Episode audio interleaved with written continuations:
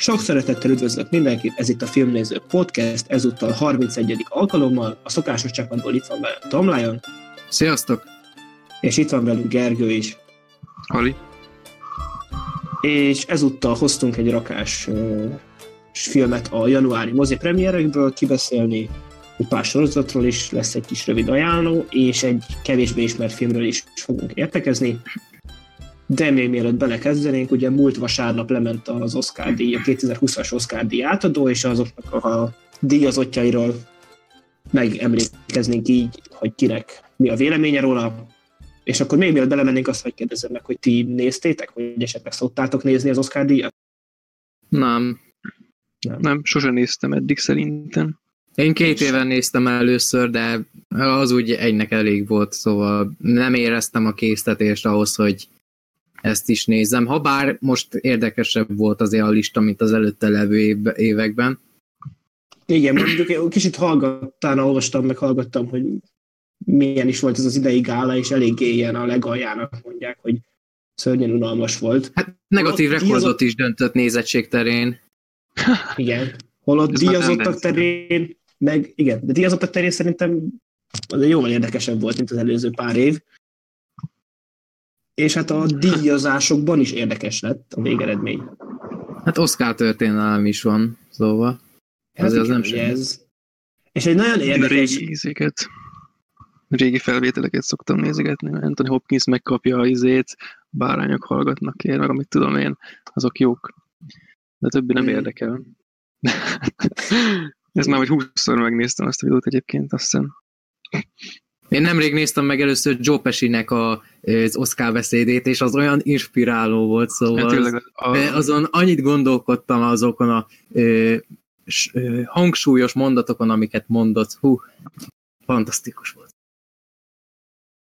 Most is megnéztem volna tőle egy ügyet. De jó helyen van Brad Pittnél az az Oscar, szóval én nem bánom. Igen, meg hogy el, fentről haladjunk lefele, ugye hát az, azért történelmi az Oscar díj, mert nem angol nyelvű film kapta a legjobb film díját, hanem ugye az élősködők, ami egy elég érdekes döntés az akadémia részéről, ugyanis egyrészt ugye ugyanez a film nyerte a legjobb idegen nyelvű filmnek a díját, ami hogyha megnyeri a legjobb filmet, és idegen nyelven van, tehát logikus, hogy ez nyeri. Csak ez ilyen fair play szempontjából szerintem, hogyha jelölik legjobb filmre, akkor azt ne jelöljék. Szerintem. Ő legjobb idegen nyelvű filmre. Na, ez most így necces kérdés. Nekem viszont egy elméletem van azzal kapcsolatban, hogy miért nem az 1917 nyert. Mi szerint... Nem nyert az forgatókönyvet. Hogy, hogy... Hát mert a, a, a szinte csak technikai díjakat nyert, és utána... Igen, de nekem van egy ötletem, hogy a, a legjobb filmet miért nem kapta meg, vagy rendezőt? Mégpedig azért, mert nagyon későn került a mozikba, úgy december közepek környékén nagyjából, sok helyen meg január elején, és akkor nagyon kevés idejük volt az Oscar szavazóknak megnézni ezt a filmet, nem kapott akkor a hype-ot, akkor a lavinát, mert hogyha például a régi Oscar gálák olyan március környékén voltak, szóval hogyha egy hónappal később lett volna a, a mostani gála, lehet, hogy ne, nem biztos, hogy az érüsködök megnyerte volna a legjobb filmnek járó díjat, hanem akkor kapott volna annyi ö, elismerés, díjazás, meg hype az 1917, hogy valamelyik fontos díjat megkapta volna, szerintem legalábbis. Mert egyébként én nem, nem tudom, majd ez biztos kiderül a beszélgetés során, de egyébként én nem voltam annyira elájulva az 1917-től. Tehát én inkább abban látom ezt, hogy miért az élősködők kapta, ami szerintem egy ilyen aljas cucc, tehát mondjuk én már utálom Hollywoodot, szóval mindent elmondok róla, de szerintem azért adta neki ezt, hogy ne mondhassam rá, hogy sose nyer olyan film, mint ez. Tehát, eh, amit tudom én, a kritikusok kedvéért most, ez, most berakták, igen, egy, de, a, de szerintem azért az élősködőkhöz képest nem rúg labdába. Még ha eltekintünk attól is, hogy nem azonos műfaj, azért ne, nem. Tehát a, ezek nem, nem igazából majd biztos elmondjátok, de én nem, nem éreztem azért át annyira. De voltak benne jó részek persze, és felírtam egy-két dolgot, amit majd el akarok mondani az 1917-tel kapcsolatban, de nem hinném, hogy annyira fajsúlyos, mint az élősködők. Hát viszont az Oscar általában ilyen filmeket szoktak nagyon díjazni, mint a háborús téma, az nagy kedvencük az ilyen nagy öregeknek. Én, csak amit én gondolok, az az, hogy amit mondtam, ugye, hogy egyrészt ez szerintem élősködőknek így nekiadták, akkor ezzel azt ismerték el, hogy a legjobb film díját ö, bármikor korábban is nyerhette volna idegen nyelvű film, mert ugye ezelőtt ugye még csak nem hmm. is nagyon jelöltek, nagyon ritkán. Ezt az álcát akarják maguknak, mert a, a rangos európai, meg mit tudom én, filmfesztiválok közé akarnak tartozni, de igazából nincsenek I- ott. Igen, tehát ez a, olyasmi nekem is a hatásom, és annyira, tehát most már... hogy mondjam, tehát a, én alattól örülök, hogy az élősködők Oscar díjat nyert, meg hogy egy ilyen film, mint az élősködő kapja úgymond a legrangosabb filmes díjat. Az Megkapja a hype-ot, ami neki jár. Jó. Igen, ez, ez így kurva jó, csak hogy ö, én látom mögött ezt, hogy így, tehát ez inkább érdekből volt. Ö, én, igen, tudjátok, hogy én, én miért nem panaszkodok emiatt? Hogyha előtte levő évben a Roma kapta volna meg, akkor éreztem volna igazságtalanságnak. Én az érősködőknek egyáltalán nem sajnálom.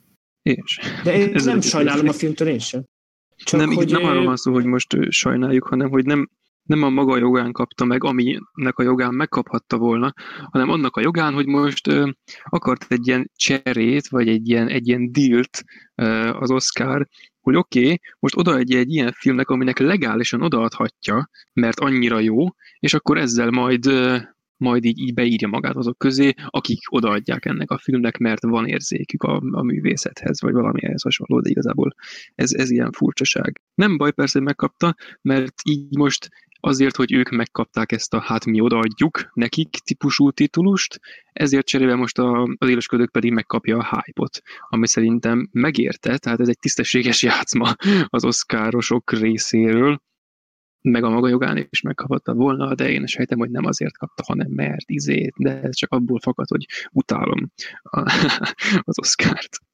Igen, meg a másik ugye, hogy önmagukkal szembe is egy ilyen összeférhetetlenség szerintem az, hogy ezzel beismerték, hogy igazából az előző 92 is nyerhetett volna ilyen film. Csak mégse nyert, mert hogy nem nézték azokat meg körülbelül. Hát, vagy inkább látják saját hanyatlásukat, ami egyébként Igen. már volt példa, mert most készült egy-két olyan film, ami, ami hát nem készülhetett volna el, és hogy mégis elkészült, ez inkább az, hogy talán, talán látják azt, hogy itt most már ennek a dolognak kezd leáldozni, és akkor megpróbálnak úgy orientálódni, hogy tényleg a izéket, a, a jó filmeket, mit tudom én, valahogy díjazzák, de és az mutatja legjobban ezt az átmeneti jelleget neki, hogy ez nagyon csetlő, botló módon megy csak. Tehát ilyen néha ez, néha az, akkor egy élősködők, a bú, felrobban a világ, hogy új élősködők, és akkor ennyi. Igen, és meg hogyha azért érdekes ugye, hogy mellette meg, hogyha a maradék nyolc jelöltet megnézzük, azért az egy nagyon, az is egy nagyon papírforma Oscar lista. Tehát azért a, ugye az amerikai filmek, amik bekerültek, tehát például most ott ugye ez a Little Woman, ez egy olyan film, ami már fél évvel ezelőtt mindenki nagy összegbe fogadott volna arra, hogy itt lesz a listán, és még nagyobb a szöveggel arra, hogy túl se fog gyerni. Tehát, hogy annyi ilyen film van évente, hogy ami kb. csak azért kerül be, hogy bekerüljön a legbet, ezért készül el, hogy bekerüljen az Oscar a legjobb filmek közé. Ó, pontosan, nekem... egyébként Ja, bocs, csak egy ilyen Mondjuk. kis történet, hogy a, nemrég beszélgettem valakivel a, az animékről, és akkor mindig nem tudom én, hogy jött fel, de hogy azok például már úgy készülnek, mert a, most igyekszem mindenkit félig sérteni, aki valaha animéket nézett, mert az jó buli, na mindegy. Tehát, hogy a, hogy a legtöbb animének, de filmekre is igaz ez, tehát csak a hasonlatot azért mondom, hogy, izé, hogy azért készülnek, hogy utána legyen belőle hype, animék esetében pedig mém vonulat. Tehát, és már az újak úgy készülnek, hogy még nincs belőlük mém, mert hogy is lehetne, de vannak ilyen jelenetek, amikben csak azért vannak dolgok megcsinálva, de olyan látványosan, hogy abból később mémet csinálhassanak, és ez annyira szar. És a, a, a, ki ez így máshol is látszik, csak ugye japánéknál meg borzasztó látványosan. Mm-hmm. Meg azért a 2019-es év, az legalábbis a második fel, az kicseszettő erős volt a filmek számára. Egy rakás olyan film van, ami simán kaphatott volna bármilyen szintű jelölést, de megfelelkeztek róla, vagy nem kapott olyan hype mert például Csiszolatlan Gyémánt, az, azért az Uncut Gems, az azért kaphatott volna minimum Adam Sandler, vagy a rendezők, vagy nem tudom, valamit, mert az a film azért össze van rakva, ami a legtöbb... Amit, Twitteren írtam ugye, hogy, a, hogy látványt, meg jelmez, meg ilyen téren a The King-et is, tehát hogy vagy a King, igen, pontosan, igen, milyen igaz. munka, meg ilyen téren, és hogy... is, a Midsummer is a King, igen. Vagy a fehér ja, éjszakákból a főszereplő lányt is azt hiszem a Little Woman-ből jelölték valamire, holott szerintem, én nem láttam a kis, kisasszonyokat, de szerintem azért, amit a Midsummerban alkotott, az azért simán egy jelölésig elvihette volna. Igen, és akkor még ugye mind, meg még ott is ugye ott tartunk, hogy Netflix mindig nem kap díjat. Holott ez, a, ez is ez a legjobb, hogy ő szerezte be a legjobb több jelölést, és egy díjat se kapott. De a Laura Dern. Igen, hát jó, igen, kapott a Laura Dern, meg a legjobb dokumentumfilm, de a dokumentumfilmeket eddig is, már évek óta ők nyerik, meg a Laura Dern, igen. Tehát ugye úgy értettem, hogy nem kapott díjat, hogy lett vagy nem tudom, 30 jelölése, és akkor abból két díj. Tehát igazából úgy fasza. És ez is hát, majd, ha, majd ha a sorozatoknak is osztanak ilyen szinten oszkárt, akkor majd tündökölhet a Stranger Things-el, meg mindennel. hát az igen, az Emmy díjakon megadják, de amikor az a díjátadó az egy nagyobb vicc, mint az Oscar. Úgyhogy... Ja, borzasztó. Family is volt erre egy jó része. Igen, és más téren meg volt sok jó dolog, tehát Brad Pitt is tök jó, hogy megkapta. Tényleg a Joe Pesci-nek én is jobban örültem volna. Joaquin Phoenix tök jó, hogy kapott Oscar díjat, Jokerért nem sajnálom tőle. Jó, de ő már az elmúlt négy hónapban folyamatosan, nem csak négy hónapban, mert amikor volt a fesztiválokon, akkor is kapta sorra a díjakat, szóval ez csak még egy díj Joaquin Phoenix számára, én örülök neki, de látszik, hogy ő meg le se szarta annyira, mert ő is már nagyon fáradtnak látszott ott a beszédek közben, meg a sok érzelmi... Mindig fáradtnak látszik. Jó, de tragédia is volt számára. Jó, persze. Szóval sok, ez az, az elmúlt néhány hónap számára nem lehetett azért túl könnyű, hogy ez sok publicitás nem ehhez van hozzászokva. Meg ami még a... amilyen fájó volt, csak annyit akarok még, hogy a Toy Story 4 nyert, ami így... Oh. Igen, ez a... Nem láttam a filmet, és biztos nagyon jó. Nem a filmet minősítem, hanem úgy általában, hogy én nem merem fogadni, hogy neked a befejezés az ugyanúgy nem tetszene, mint nekem. A befejezés az Én olyan biztos, szinten ellentmond mindennek, amit az eredeti trilógia elmo- elmesélt.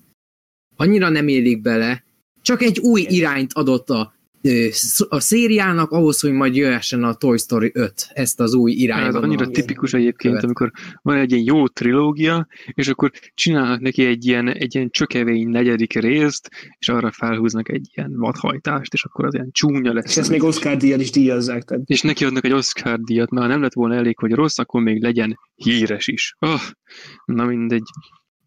Ja, de hogy a... A, a, szörnyen rossznak nem mondanám a Toy Story 4-et, mert mondom, rengeteget nevettünk a moziban rajta, mert ilyen ö, csopor, csopor, csoportosan mentünk el. Csoportosan mentünk el rá, és úgy megélveztük. De én ezért nem nézek, mert tudom, hogy ez nem rossz film, hanem Bleh, nem a minősége zavar, hanem a elv mögötte. Inkább. Tehát ez ilyeneknél.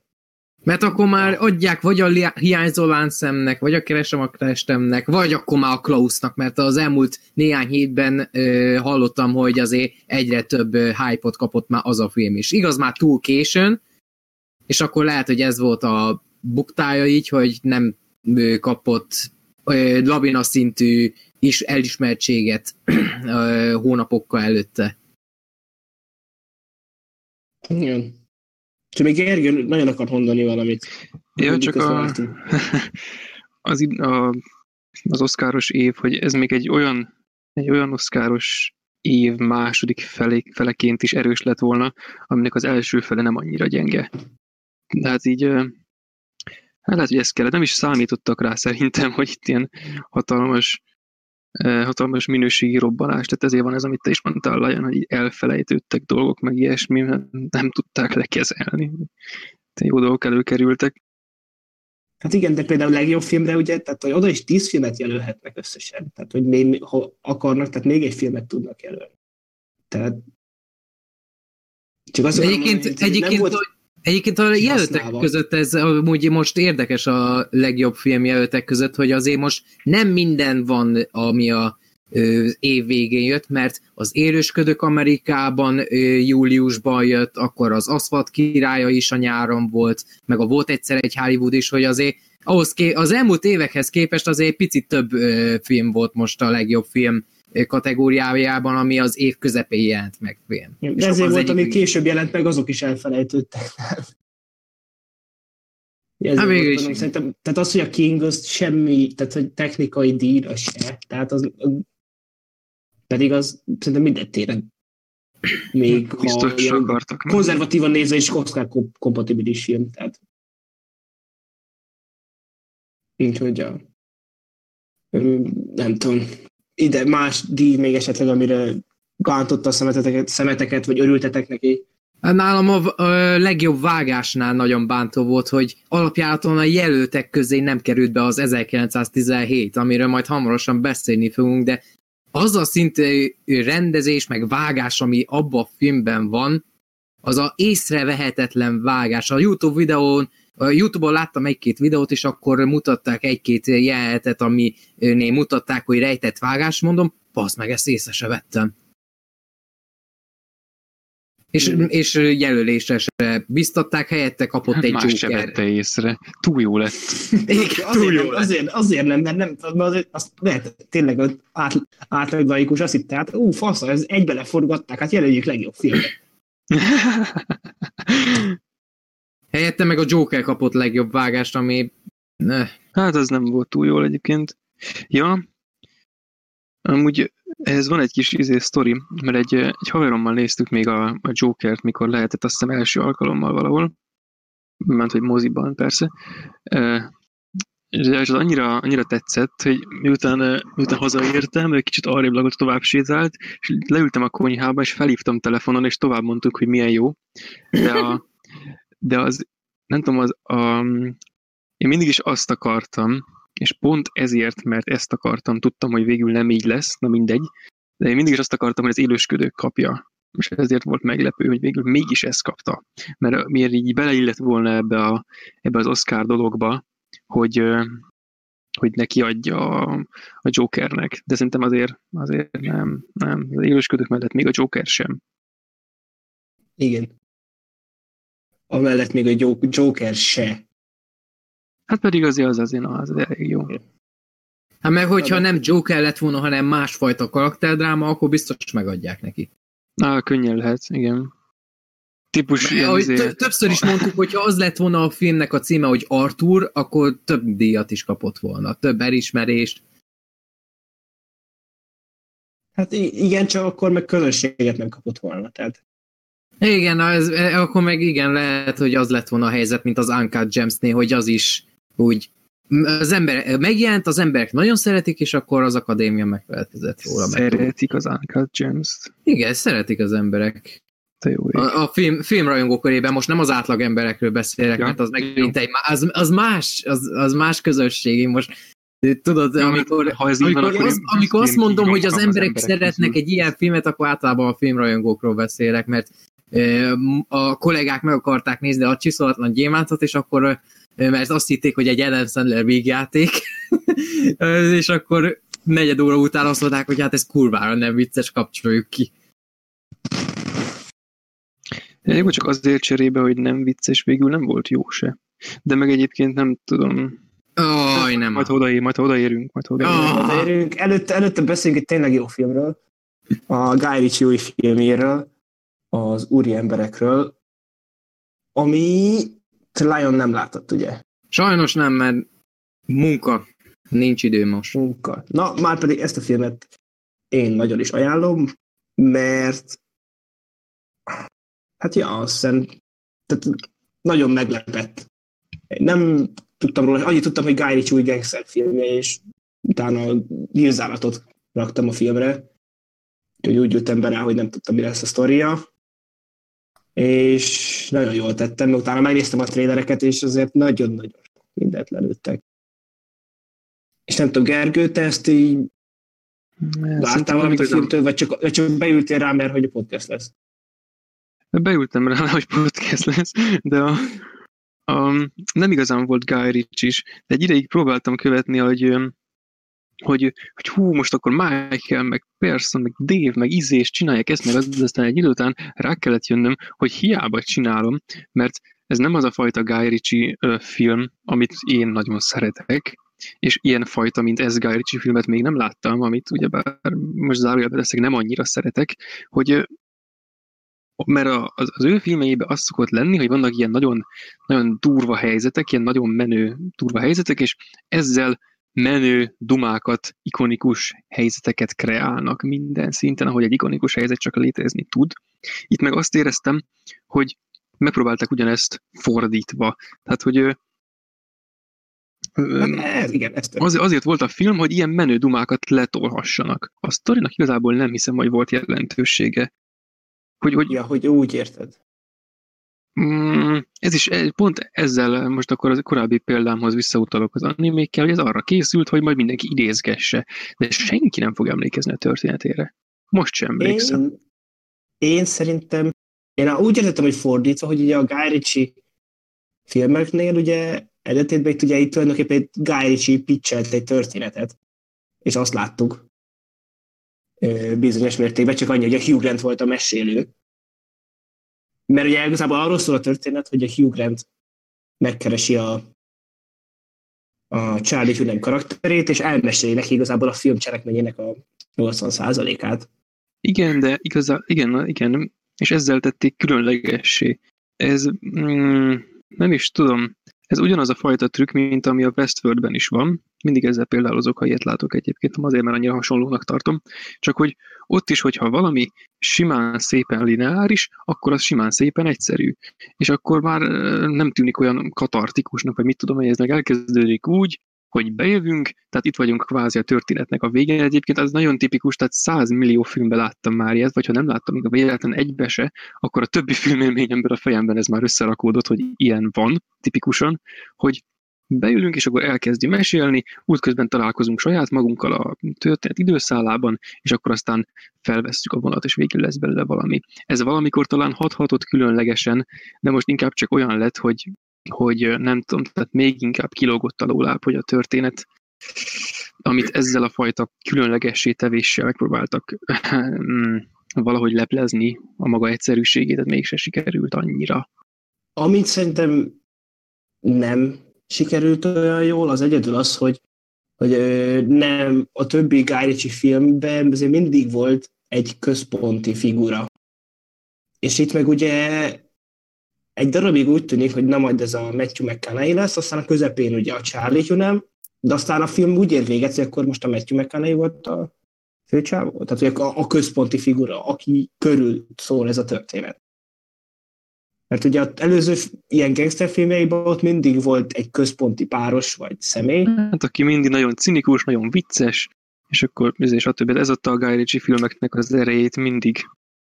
Igen, de szerintem ettől függetlenül marha jól működött ez a film.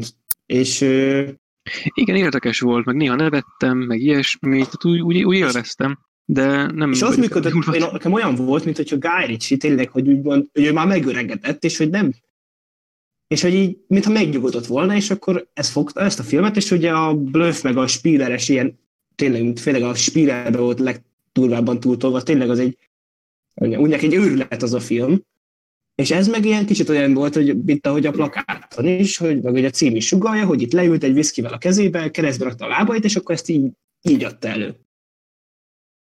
És ez nekem azért, nem tudom, nekem nagyon működött. És a, az, hogy ezt el lehetett volna mosni, ezt a történetet mondjuk úgy, mint a Spielerre, hogy rányomnak egy szűrőt, meg ilyen sokkal pörgősebb, meg sokkal belerakni plusz két-három akciójelenetet, és úgy is működhetett volna, de szerintem jól állt a filmnek az, hogy elegáns volt.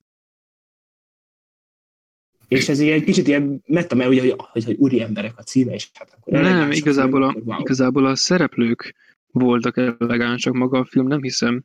A, a módszerei nem voltak elegánsak. A, itt van ez az asszociatív dolog mindjárt az elején, hogy ott ül, nagy kemény csávó, mizé, és akkor lelövik. Hát én egyből tudtam, hogy nem. Bocsánat, hát persze, hát ez nyilván, de... aki látott három filmet, azt tudja, hogy... Csak hogy ez, hogyha ha ez bejön, tehát ez a trükk nyilván nem azért van, hogy az emberek rájöjjenek, hogy ez a trükk most itt van, hanem azért, hogy azt higgyük, hogy ez egy olyan film, aminek egy ilyen elkerülhetetlen vége van, és akkor akármi, és akkor azzal akar meglepni, és az ilyen típusú filmek általában erre alapra tesznek fel mindent, hogy majd a végén ezzel meglepjenek, és akkor majd még valamivel bekavarnak. De az a baj, hogy ez akkor elegáns, ha ez működik is. Nem, mondjuk én, én lehet azért, mert egy ilyennel nem tudom, tehát nyilván én nekem nem az, tehát engem az izgatott fel annál a résznél, nem az, hogy most túlélje vagy se, hanem hogy hogyan éli túl. Tehát, mert tudtam, hogy nyilván túléli, de engem nem tudom, engem, engem működött az, de hogy lehet ez volt a Guy nem, nem tudom, mit, mi volt a Guy intenciója azzal, és nyilván az a valószínű, amit te mondasz, de hogy én azt úgy fogtam fel, nyilván itt nem hal meg, de hogy majd valahogy eljutunk oda, hogy miért nem hal meg ott. De ez persze, de egyébként, ha megnézed, akkor egy ilyen jelenet összesen, és szeretem az ilyen helyzeteket, ahol a dolgoknak összesen egy megoldása lehet, tehát alapból kettő, tehát ha, ha bevesszük a trükköt, akkor vagy megval, vagy nem hal meg, de mivel nem vesszük be, ezért tudjuk, hogy nem hal meg, és ha vérfröccsenést látunk, akkor az vagy az ő feje, vagy azé, aki le akarja lőni. És mivel tudjuk, hogy nem hal meg, ezért, ezért már, már látjuk a film utolsó jelentét a film első jelenetében. Ami nem, nem baj. Tehát, utána még csak... volt azért. Vol, jó, persze, igen, igen, még voltak dolgok, meg ott háromszor meglepték egymást. Ó, meg volt benne egy ilyen, hú, most nem fogom tudni idézni azt a jelenetet rendesen, vagy talán sem mennyire, amilyen a 24-ben is volt, meg egy csomó film csinálja ezt, hogy hogy ilyen teljesen teljesen nyilvánvalóan átverik a nézőt, de nem úgy, hogy a történetet úgy keverik, hogy a történet maga következetes marad, és a néző a sok részlet és sok mindenben elveszik, és ezért átverődik végül természetes módon, aztán a végén összeállnak a kis darabok, és akkor úristen, hanem úgy, hogy konkrétan olyasmi történik, ami a filmnek, ami a filmben nem kéne, hogy megtörténjen, mert a szereplők csak nincsenek átverve, mert nem a szereplők a nézők, mint a hú, azt hiszem a nem tudom melyik részben volt, a 24-ben, hogy az egyik szereplő mondott valamit, hogy így van, de ő maga tudta, hogy nem úgy van, és mindenki tudta, hogy nem úgy van, ő csak azért mondta, hogy a néző elhiggye. Ez és minden évadban így volt. Ez, igen, volt, sokszor van így. Meg a, ez arra ez gondolsz nem, amikor a filmben, hogy amikor a egyik karakteri mondja a másiknak, hogy de hát, hogy én is figyeltelek, hogy ugyanez a munkáj. Ezek, ezek, egyébként ha valamit tudok a fűrész javára írni, akkor az, hogy na ott ez, ez, ez jó volt. Tehát ez a fajta meglepődés működött, de itt nem, hogy hú, de a másik mégis jobban tudta, a másik mégis jobban de tudta, ott a, végén mégis szerintem, jobban tehát, tudta. hogy ott a, a végére ott, tehát a film se vette ezt komolyan szerintem. Tehát, hogy főleg ugye azzal, amikor ott ugye a filmstúdiós befejezéssel ott végképp én szerintem mert ugye tulajdonképpen ott a film utolsó felébe, akkor meg tudjuk, és hogy mondjam, spoiler nélkül, de hogy ö, több része a filmnek is ö, új kontextusba kerül, azáltal, hogy ö, nem feltétlenül csak az a része volt elbeszélés, amit a film elején elbeszélésnek gondoltunk.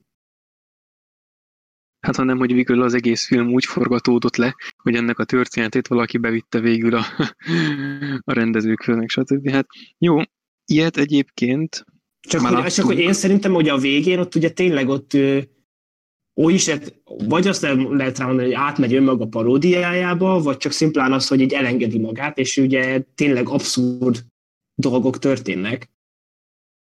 De szerintem pont ezért működött, mert hogy én szerintem ezt a film, film se vette komolyan azt a részét ott már. De és előtte meg nekem ez a füves sztori azzal a kínaiakkal, meg a Colin Firth edzőnek a gyerekeivel, tehát hogy mondjam, tehát hogy nyilván ez nem egy akkora hú, de valami, de szerintem rohadt szórakoztató volt, és egy jó fajtából volt szórakoztató, hogy nem az a kikapcsolós szórakozás volt. Nyilván annyira nem is a legokosabb film, de hogy tényleg itt azt éreztem, hogy basszus próbálkoznak, és tök jó, hogy ilyen színészekkel ilyen film még elkészül. Igen, és erre ezt nem is, nem is akarom elvitatni. Hát a jól, jól szórakoztat, tehát szórakoztató maga Igen. a film, és saját magán belül még következetes is, csak a, a filmes módszerekkel nincs eléggé, nincs, nincs, nincs annyira rendben. Ez olyan egyébként, még ami az alapján is, vagy arra rákapcsolódva is, amit te mondasz, hogy, hogy hú, az önmagát forgató film, meg az ilyesmi, tehát itt ezzel inkább csak kacérkodnak, ez a, ez a humoros akciófilmnek a, az egyik ilyen jelenvonásának írnám le inkább, hogy ő itt így, így kacérkodik ezzel, hogy na, én, mint rendező, tudom, hogy van ilyen, hogy önmagát elmesélő művészfilm. Ez, a, ez az Abbas Kiarostami, meg a, meg a, meg a kortárs iráni rendezők, na azok tudnak ilyet csinálni. A, meg kell nézni a, a szelek meg a cseresznye ízét, meg a, meg a hol a barátom házát, meg ezeket, és akkor az ember rájön, hogy na igen, tehát van olyan, hogy önmagát forgató film, de ez itt inkább csak egy poém volt. És nem is az, az hogy nem veszik komolyan magát, de hanem, hanem egy ilyen poén, hogy én egy szarfilm vagyok, ami szórakoztató, ez az alibim, hogy szórakoztató vagyok, és ezért én kikacérkodok a művészfilmeknek, amire nincs okom, de nem baj, mert hát miért is kéne ráok. Tehát ez, ez azt mondani, ez így van, és ez így van rendjén. Tehát hogy ezért úgymond jó ez a film, mert hogy mm, Persze, jó, jó, jó van, rendben. Tehát... Igen, tehát én ezt tudom erre mondani, hogy nekem ezért működött rohadtul. Jól, és tényleg színészek is, tehát hogy mondjam, tehát nyilván nem életük alakítása, de itt is voltak azért jó pillanatok, hát, főleg. Tehát persze, a de meg az, a, az jó volt a színészek, amennyire hát egy ilyen izében jó lehet, mert a szerep is csinálja a színészt, de majd még biztos vissza hát Jó, persze, igen, mert, igen, tehát úgy mondom, hogy jó volt ezeket a színészeket ilyen szerepekben látni, akkor inkább úgy mondom. Hmm. Ja. Meg tényleg volt egy tök jó monológ. Tehát a Charlie Hunemnek az a drog prevenciós monológia, azt szerintem az marha jó volt. Meg, meg tök jók voltak a zenék, és az, hogy ez tényleg az, hogy szórakoztató, és sosem emlékszem a zenékre valamiért, nem tudom. Hát Csak azért én nagyon, nagyon utána, hogy fölmegyek Spotify-ra a film után, és a hazafele azt a lejátszási listát hallgatom, ha megtetszik, és akkor utána megragad. Például a izét azt szerintem azóta minden nap meghallgatom, ami a intro alatt volt. Úgyhogy, ja, én mindenkinek ajánlom az úri embereket. Nálam nekem még lehet, hogy a végén is vissza fogok rá térni majd. Majd angolul mindenképp újra akarom nézni. Amúgy azt akartam még megkérdezni, hogy, hogy ez 18-as karikás volt a film, és így de miért? Azt gondolom, hmm. szerinted is így indakolatlan. Persze, teljes mértékben. Tehát, hogy ez szerintem, én az azt tudom hogy ez egy marketingfogás volt, hogy az ember így meglátja, és akkor ebben mi lehet 18-as, elmegy, és akkor hát, ha itt megnézi. Biztosan, de egyébként a magyarok ezt sose értettek, meg jó, meg jó, most ez nem abból fakad persze, de a kedvencem az a, a Fábri féle ötödik pecsét, ami azt hiszem 12-es karikás, vagy már 12-es, igen. Hát a régi filmeknél ugye ott nagyon változó tud lenni. Igen, igazából ez nem jelent semmit, ez a 18 ebbe, ebbe Jó, persze, igen, csak ugye akkor szokták 18-at Vagy pedig, vagy Guy Ritchie miatt. Hát lehet, hogy Guy Ritchie miatt tették rá, mert azért ott azért nála szoktak lenni durva dolgok. Most Én azt mondom, hogy szerintem ez marketing fogás volt. Mert amúgy, ha, ha tényleg úgymond azért raknak valamire 18-ot, akkor az vagy tényleg olyan szinten erőszakos, vagy, vagy a soft pornó van benne, vagy nem tudom. De tehát azért nem szeretnék 18-ot adni. Mondom, én ezt itt marketingfogásnak tudom csak elképzelni, mert más okuk nem nagyon lehetett rá. Az élősködők az mennyi? Az is, az is 16-os? 16-os? Szerintem 16-os volt, ha jól emlékszem. Ami ilyen komoly film, az 16-os, tehát az... Csak hogy ez annyira lutri, hogy... Addig, amíg nem, egy, ad, addig, amíg nem egy aranykesztyű, addig nem indokol sok filmnél a 18-as karika. Igen. Majd akkor, majd, majd a végére akkor berakjuk azt is de akkor előtte még menjünk tovább a, a listába, ami a következő 1917, amit én még mindig nem láttam sajnos, úgyhogy ti fogtok vitatkozni arról, hogy ez mennyire is jó, meg érdekelte, meg érdemelte meg a hype-ot. Úgyhogy hajrá! Megint Gergő lesz a boomer, úgyhogy... Nekem nagyon tetszett az 1917. Én erre azt tudnám mondani, hogy tényleg, mint annak idején a Dunkirk volt, hogy a szintiszta mozi élmény. Én rájöttem, hogy én annyira részben a munkámból kifolyólag annyira nem szeretem a háborús filmeket. Az elit alakulat az szerintem nagy rész kimaxolta nálam a műfaj, adta lehetőségeket, amiket el tudnak mondani a háború témájával kapcsolatban. A látvány az manapság már ott van, hogy bármit meg lehet csinálni, nagyon nehéz, főleg a második világháború kapcsán új dolgokat mutatni, és akkor itt van az 1917, ami egy full egyszerű sablonos háborús történetet mesél, viszont olyan szintű technikai megvalósításokkal, amit ilyen méretekben ritkán lehet látni, mert rájöttem, a, Dun- a Dunkirk kapcsán jöttem rá elsőnek, hogy meg amikor a Doki is adott valamikor egy háborús filmet, amire már egyáltalán nem emlékszem. Emlékszem, hogy annak idején az, az a film is úgy egynek korrektnek volt, de őszintén egy-két hülye jelenet kivételével nem nagyon tudnék abba a filmből semmit se felidézni, mert az a gond a legtöbb háborús film, hogy az a sablonokra építenek, Igaz, hogy igaz történet alapján készültek, és akkor igaz karaktereket használnak folyton, és oké, okay, ez igaz, de ettől függetlenül a munkából kifolyólag, meg a, a gyerekként rengeteg dokumentumfilmet néztem a háború kapcsán, és akkor annyi pontatlanság, idegesítő nüanszok, ebben is vannak idegesítő nüanszok, viszont ahogyan tálalták egy mint egy francos étteremben. Én azt úgy, magát a látványt is úgy tudtam élvezni, hogy együtt tudtam érezni a karaktereknek a helyzetével, a terrorra, amit itt átéltek, mert a Elsőnek az, arra számítottam, hogy ez a ö, egy snittesnek átszázott film csak egy gimmick lesz, hogy hát, mi tudunk ilyet is csinálni, és amikor néztem a filmet, rájöttem, hogy nem, így úgy mutatják be, mintha én lennék a harmadik katona, aki ott van a csatamezőn, és aki ö, próbálja túlélni ezt a szörnyű helyzetet, hogy átmenni a, ö, hogy hívják azon a ö, csatamezőn, a végig bombázott földön, árkok között, hullák között átveregetni magadat. Én ott éreztem azt a szintű terrort, feszültséget, amit moziban Hát jó ideje nem éreztem, talán a Dunkirknél éreztem utoljára háborús film esetében, pedig túl sok újat tényleg nem mutat, és az alap emberi érzelmekre ö, hagyatkozik ez a film, hogy mi nem lennénk szívesen abba a helyzetbe, és az ottani fiatalok az első világháború idején viszont nagy részt önként mentek a háborúba, hogy há,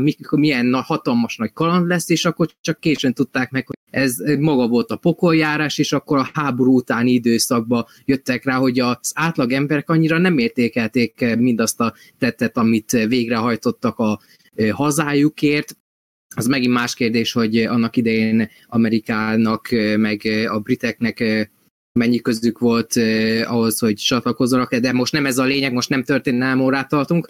Én úgy vagyok fel, hogy mint mozi élmény, egy hatalmas élmény volt számomra az 1917. Nem tudom, hogy belekerülne egy top 20-as listámba, de mint legjobb mozi élmény szerintem benne van. A, a, amióta járok rendszeresen moziba, ez maximum ott van a topba a Dunkirk mellett. Egyébként én is ezt akartam elmondani, hogy, hogy a háborús filmeknél igazából függetlenül attól, hogy első vagy második világháborús film, hogyha nem dokumentumfilm, általában az a, ez a története, ami ennek is, hogy áh, van egy küldetés, az van valahol, de el kell jutni, és az, odajutás az nagyon szívás, nagyon, nagyon, izé, nagyon rossz. És mind, egyébként ez a, a háborús filmeknek a sajátossága, amiben én a feszültségnek az egyik komponensét látom, hogy a, arra erősítenek rá, és azzal magyarázzák a legjobban, hogy a háború mennyire egy nem jó dolog, hogy az ember milyen könnyen megsérülhet. Egyébként ez minden kis részletében vagy milyen könnyen meghalhat, meg milyen könnyen meghalhat, vagy szerettünk, tehát és a többi milyen könnyen történhetnek dolgok, hogy ez nem egy ilyen dicsőséges akármi, amit reklámozni kell. Um, na mondjuk ez egy picit azért furcsán jött most így ki, de hogy például az elején, amikor lehúzza a szöges drótot, hogy a másik át tudja mászni a hajlongó fickónál, ahogy ott mondták korábban, akkor kicsit megvágja a kezét, mert aztán jön egy, jön a, izé, jön a, jön a patkány, ez is egy ilyen kis dolog, meg aztán um, egy csomó ilyen van benne, hogy, ami, hogy amikor valami de ez nem csak ebben, szóval ez nem spoiler, hogy most ezeket mondom, de hogy mikor egy ilyenek vannak, azok mindig ilyen, ilyen kis dolgokból, és hirtelen, és véletlen, és, és végzetes. Meg hogy a, a háború az mennyire mentes mindenféle jótól, hogy, hogy mindig a, az ilyenekben ez igazából ez nem egyediségnek hozom fel, mert, mert tehát ez így szokott lenni, hogy amikor az ember jót akar, azt ne egy háborúban akarja, mert annak rossz vége lesz, és többnyire ránézve itt, itt mindig, és az is, az is ilyen furcsán könnyen fog jönni. És nagyon jó volt az a hasonlat, amit mondtál, a, a, izé, az éttermi asztalon tálalt gyönyörűséges akármilyen körítés, mert nagyon szép volt, mert voltak benne ezek az idilli képek, ahol kezdődik, hogy ott először csak a mező, ilyen nagyon szép, izé, és ez, a többször is van benne ilyen, ilyen nagyon szép mező, meg nem tudom, hogy biztos emlékszel, van az a, van az a rész, amikor öm, este megy a városban, igen. és akkor ott nagy nehezen ott átverekszik, és akkor aztán a, a végén fut ki a városból, ilyen, ilyen hosszan fut ki, és ilyen nagyon hatásos zene megy alatt. Ja, igen, igen. Az, az annyira jó, az annyira jó, igen. hogy, hogy az nem igaz. És az egész film csak az az, az jelenet lett volna, akkor is megnéztem volna, hát az nagyon jó volt. Igen. Hát az egész Dunkirk arra az egy jelenetre építkezett, most ha így belegondolok. Igen, igen, a Dunkirket is nagyon szerettem. Már hogy igen, nem különlegessége végén, hanem miensége révén.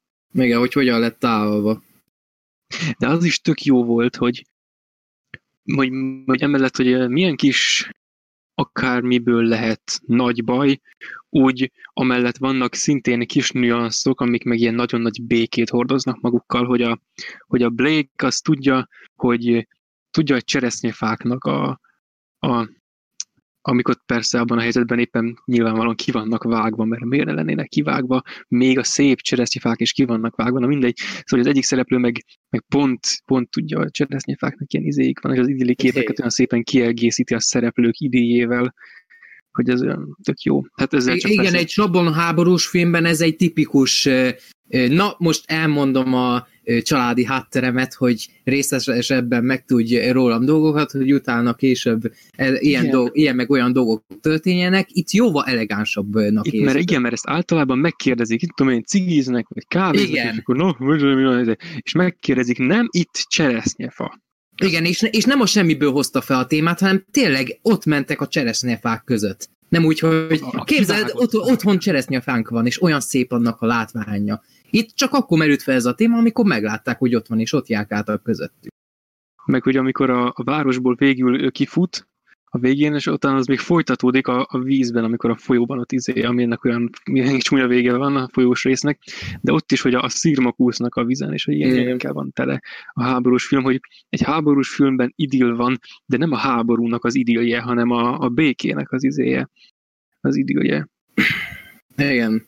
Meg tényleg így, te, is. Igen, meg tényleg én a film után muszáj volt felmennem a YouTube-ra és megnézni, hogyan készült eh, jeleneteket, interjúkat erre a filmre, és úristen, hogy mennyi munka lehetett ebben a filmben, hogy hányszor kellett elpróbálni ezeket a dialógusokat ahhoz, hogy pontosan tudják, hogy mennyi ideig tart a kettőjük közötti párbeszéd, hogy akkor a harcárokat mielőtt élesben kiáshatták volna, elsőnek többször el kellett gyakorolni, stopperre lemérni, hogy milyen hosszú ideig tart lejárniuk azt a távot ahhoz, hogy utána kiáshassák a szükséges földmennyiséget ahhoz, hogy ne legyen se túl rövid, se túl hosszú, meg akkor tényleg a látványelemek, a, az, hogy igazi fényviszonyokat használtak a felhőket, az, hogy láttam az így készült felvételeknél, hogy re, és tényleg sokszor csak ott álltak, és akkor vártak, hogy akkor felhős legyen az időjárás, és akkor ott álltak, vártak, és akkor na, most van fél óránk, és akkor gyorsan vegyük fel ezt a jelnet sort, hát ha sikerül felvenni, és hogyha valaki bebakizik, hát akkor, és pont kijött a... Na, megint na, várunk, igen. Megint várunk.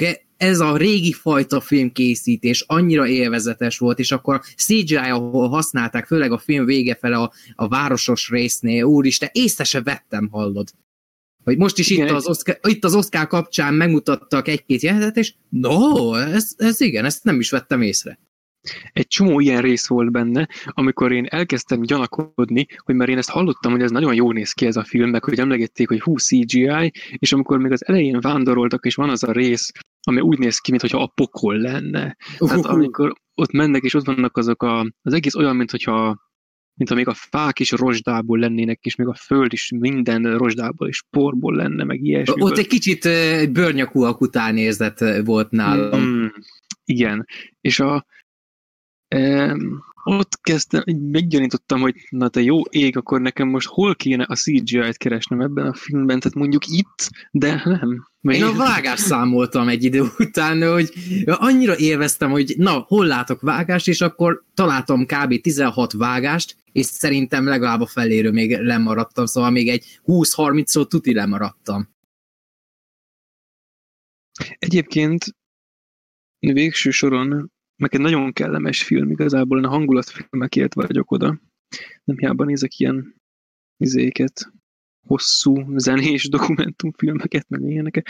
Na mindegy, meg az ambient akár, és nem tartozik ide, csak hogy ez nagyon a zsánerem, de mégis amellett, hogy ugye ezek ebben mind megvoltak, végül aztán csak azon a véleményem maradtam, hogy, hogy azért az élősködők jobb volt. Mert, Egyet értek.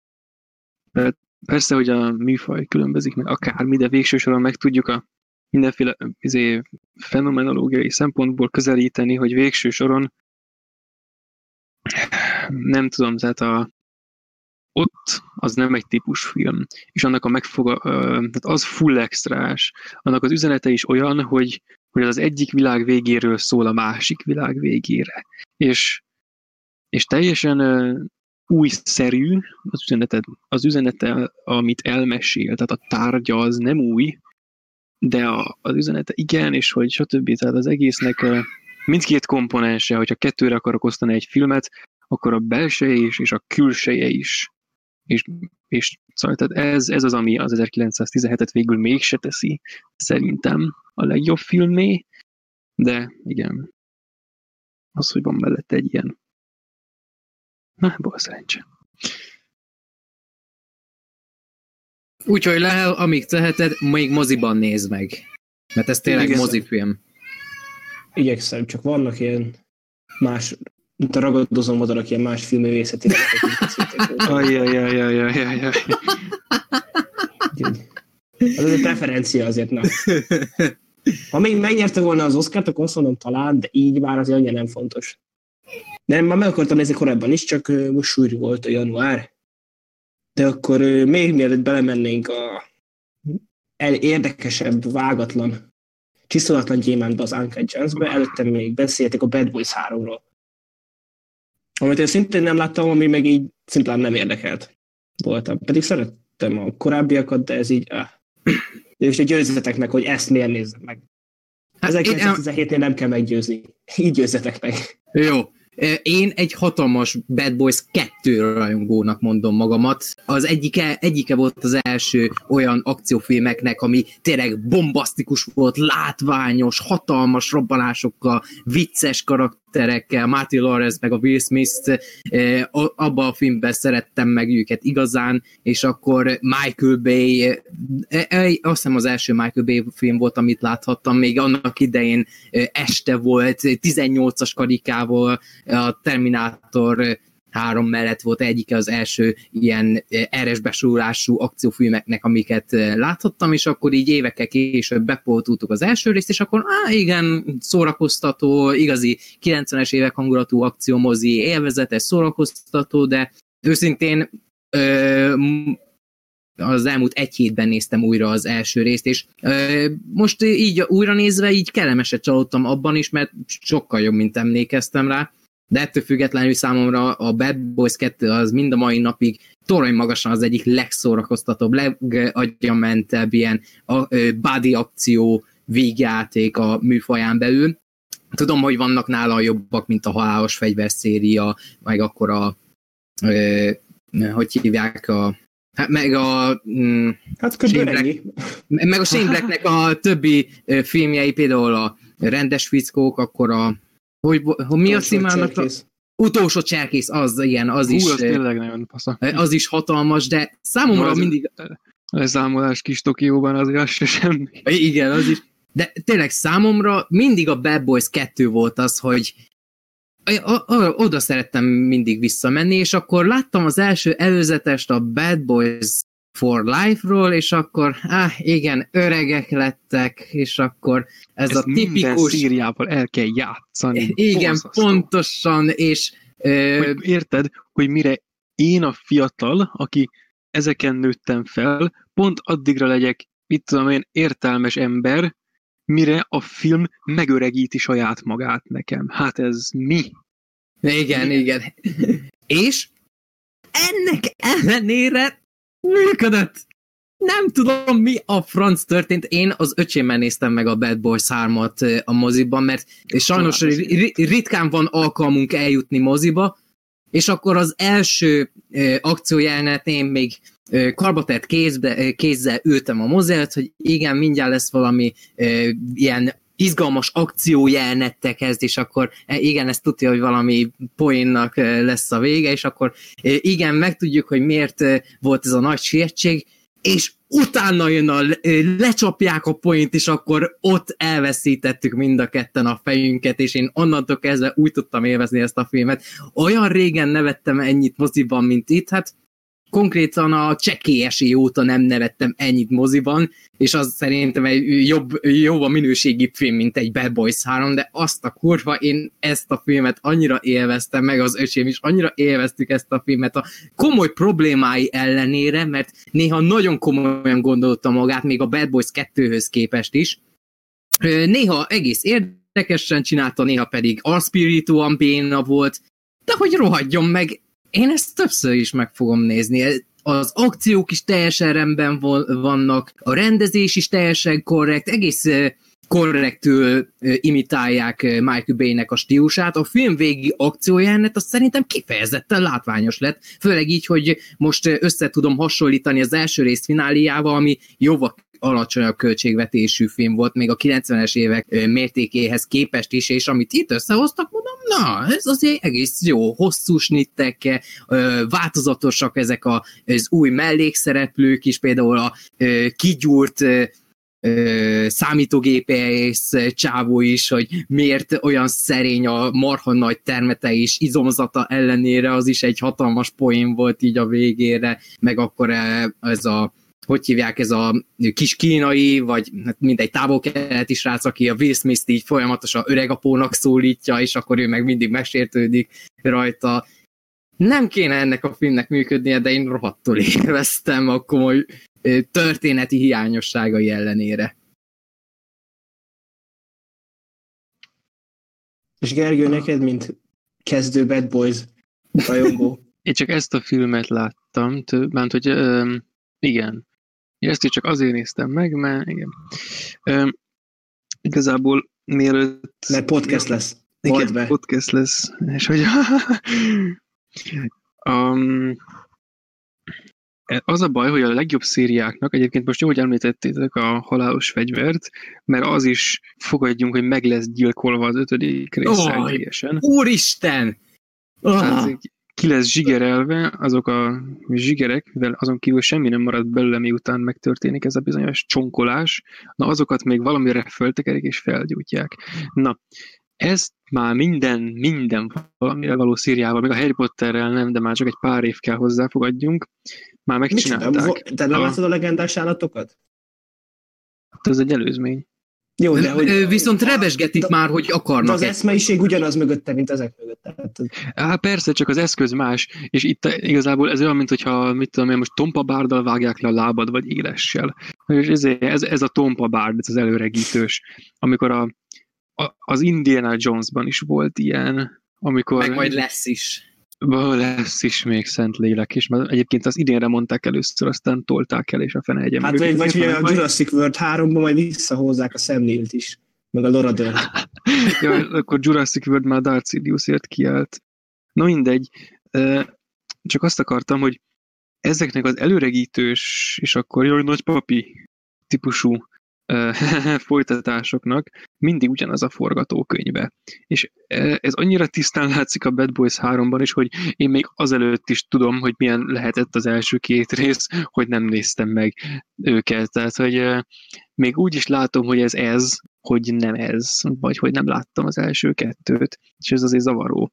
Mert hogy így önmagában nem szeretem, és mivel nekem nincs ehhez ilyen nosztalgia élményem, az egész Bad Boys fasság, nekem az maradt meg, hogy mindenki énekelt azt a, a főcímdalt, és én nem láttam a filmet, és mindenki mondta, hogy nézd meg, és azért sem néztem meg, mert annyira idegesített, és mikor ezt a filmet elkezdték súlykolni, hogy, hogy ahogy tanuld már meg legalább te a, a szöveget, aki szerepelsz a filmben, hogy énekelhess, mint a filmrajongói, akik nem része ennek a te filmszerű univerzumodnak.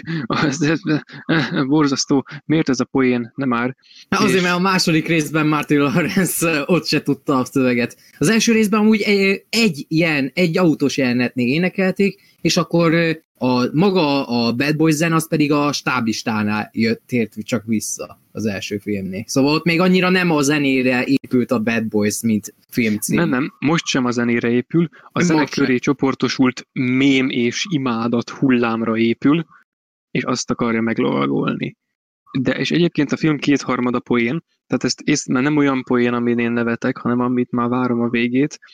A, bármikor, amikor, de már egyébként lehet érezni, hogy mikor jön egy ilyen, most nem, nem írtam fel semmit, mert nem volt már hely a papíron, na mindegy, de hogy a, um, egy csomó jelenetben bedobtak ilyet, olyasmit, hogy jön ez a, tudom, a hatásos jelenet, lelkiznek, és akkor valaki bedob egy ilyen hülyeséget, ami, amin lehet nevetni. És akkor ez tart, ez a helyzet, ez a jelenet, ez tart, tart, tart, két perc már eltelt, már lassan a harmadik is, és még mindig tart, és ilyenből egy csomó volt benne. És ezek nekem már a vége felé már csak mennyiségük révén is olyannak tűntek, mint hogyha a film alap pillérei akarnának lenni, de a zene és az azon, és a mém akárminek a meglovagolása mellett, ami azért furcsa. Még az elején jó volt, mert láttam, hogy hú, ez ilyen izé, Bad Boys, tudom miféle film, akciófilm, izé, bú, az elején lelövik, nézek, hogy mi? És akkor hát persze nyilván nem hal meg, gondolhatom is, hogy nem hal, nyilván persze nem halt meg, de az még úgy előrevetítene valamit, hogy na, itt akkor talán lesz valami tényleg ilyen, hogy lezárnak-e úgy egy szériát, ahogy tényleg, a, a, tényleg. Hogy meg, megmerik-e csinálni, hogy meghal valami, mint ahogy a Castle-ben, a, a, izé, a Castle a, úgy zárta le a regényét, hogy megölte a főhősét, és hogy, hogy de nem, nem, nem, nyilván nem lehet ilyet csinálni, de meg az se tetszik még emellett a kiöregítős film történet vezetés akármiben, hogy ilyenkor elkerülhetetlenül új szereplők jönnek, akik, és ez, ez egy lehetetlen helyzet, tehát ez egy, ez egy biztos film technikai kontradikció. Ebből nem lehet jól kikerülni. Ha vannak új szereplők, és nincs következő rész, akkor ezek a szereplők nem szerepeltek, ezek a szereplők értelmetlenek, nincs hátterük, nincs semmiük. Ezt a második követ... rész is megcsinálta. Ah, hát, mindegy, jó nem láttam.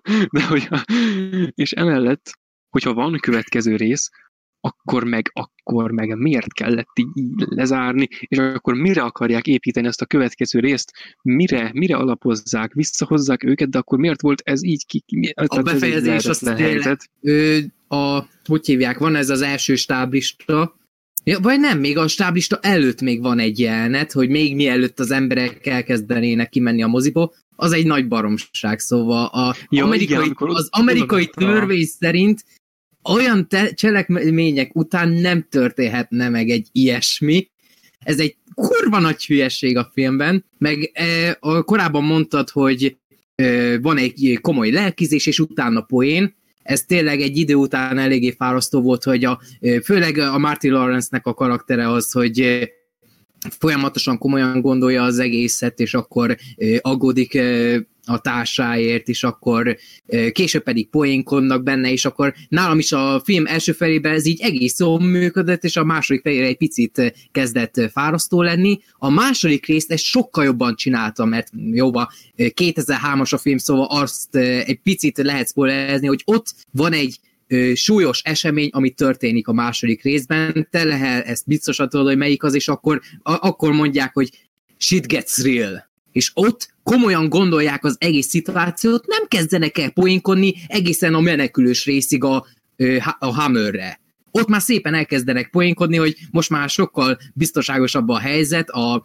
helyzetüket tekintve, de az előtte levő kb. 10-15 percben nem volt semmi poénkodás. Komolyan vették a szituációt, ez egy komoly hadművelet, amit végre kell hajtaniuk, és akkor ezt így nem viccelhetik el. E, egyáltalán még itt a filmben folyamatosan volt egy drámai rész, és akkor jó, egy kicsit ül, na most jöjjön egy vicces jelenet. Ez tipikus Marvel formula volt ez a rosszabb értelemben, de mondom, mivel annyira szeretem a Bad Boys 2-t, hogy én ez a tipikus nosztalgia, mint a Star Wars filmeknél is mindenki kritizálja ezt, hogy én ennél a harmadik résznél még teljesen elnéztem, hogyha a negyedik részt is pontról pontra ezt fogja csinálni, én annál már nem leszek megbocsájtó, de, de ott a moziteremben én nagyon tudtam élvezni. El, el tudtam engedni magamat, amit már régen csináltam így egy, egy nagy stúdió végjáték, akció végjáték esetében, hogy tényleg hátra tudtam dőlni, és élveztem a látottakat, szóval ez olyan, hogy én ezt meglepetésként értem meg, mert tényleg én mondtam ö, azt hiszem a podcasten belül is, hogy ez az előzetes, ez olyan béna volt, olyan szintű mocsoknak ígérkezik, és csak azért néztem, szülinap miatt volt egy ingyen plusz egy, és akkor na, az öcsém azt szereti a Bad Boys 2-t, na akkor nézzük meg, és remek szórakozás volt így kettőnk számára. Egyébként abban abba beleizélnék, hogy ez, ez nem a Marvel film formula, igazából szerintem semmilyen értelmezésben, hanem csak annak a, annak a tünete, hogy ők észrevették, hogy a Marvelnek milyen jól megy ez a minden szarrá poénkodós és amikor jönnének a komoly vonulatok, akkor rájönnek, hogy á, de baszkjál, mi nem bűvészfilm vagyunk, ezért inkább legyen Marvel. Ah. Igen, ez a 2010-es éveknek a hátránya, mert a 2003-as Bad Boys ott még ott tudta, hogy Hát a 2000-es években még ott mindent komolyabban lehetett venni, még a ö, könnyedebb hangvételű filmek esetén is, hogyha volt egy komolyabb rész, ott tényleg hagyták ülepedni a filmet, még a sablon stúdiófilmeknél is volt nem egy kettő eset, esetében, és akkor a 2010-es évek nagy blockbusterei pont ezt tették tönkre, hogy ha egy kicsit is megpróbálnak komoly hangvételt ö, ö, felvenni, a stúdiófejesek ezt nem hagyják annyiban, és akkor belenyúlnak, hogy a, na, most volt egy kis drámázás, jöjjön a poén, poén, poén, jöjjön egy kis akció, és akkor az akció közben is legyen poén, poén.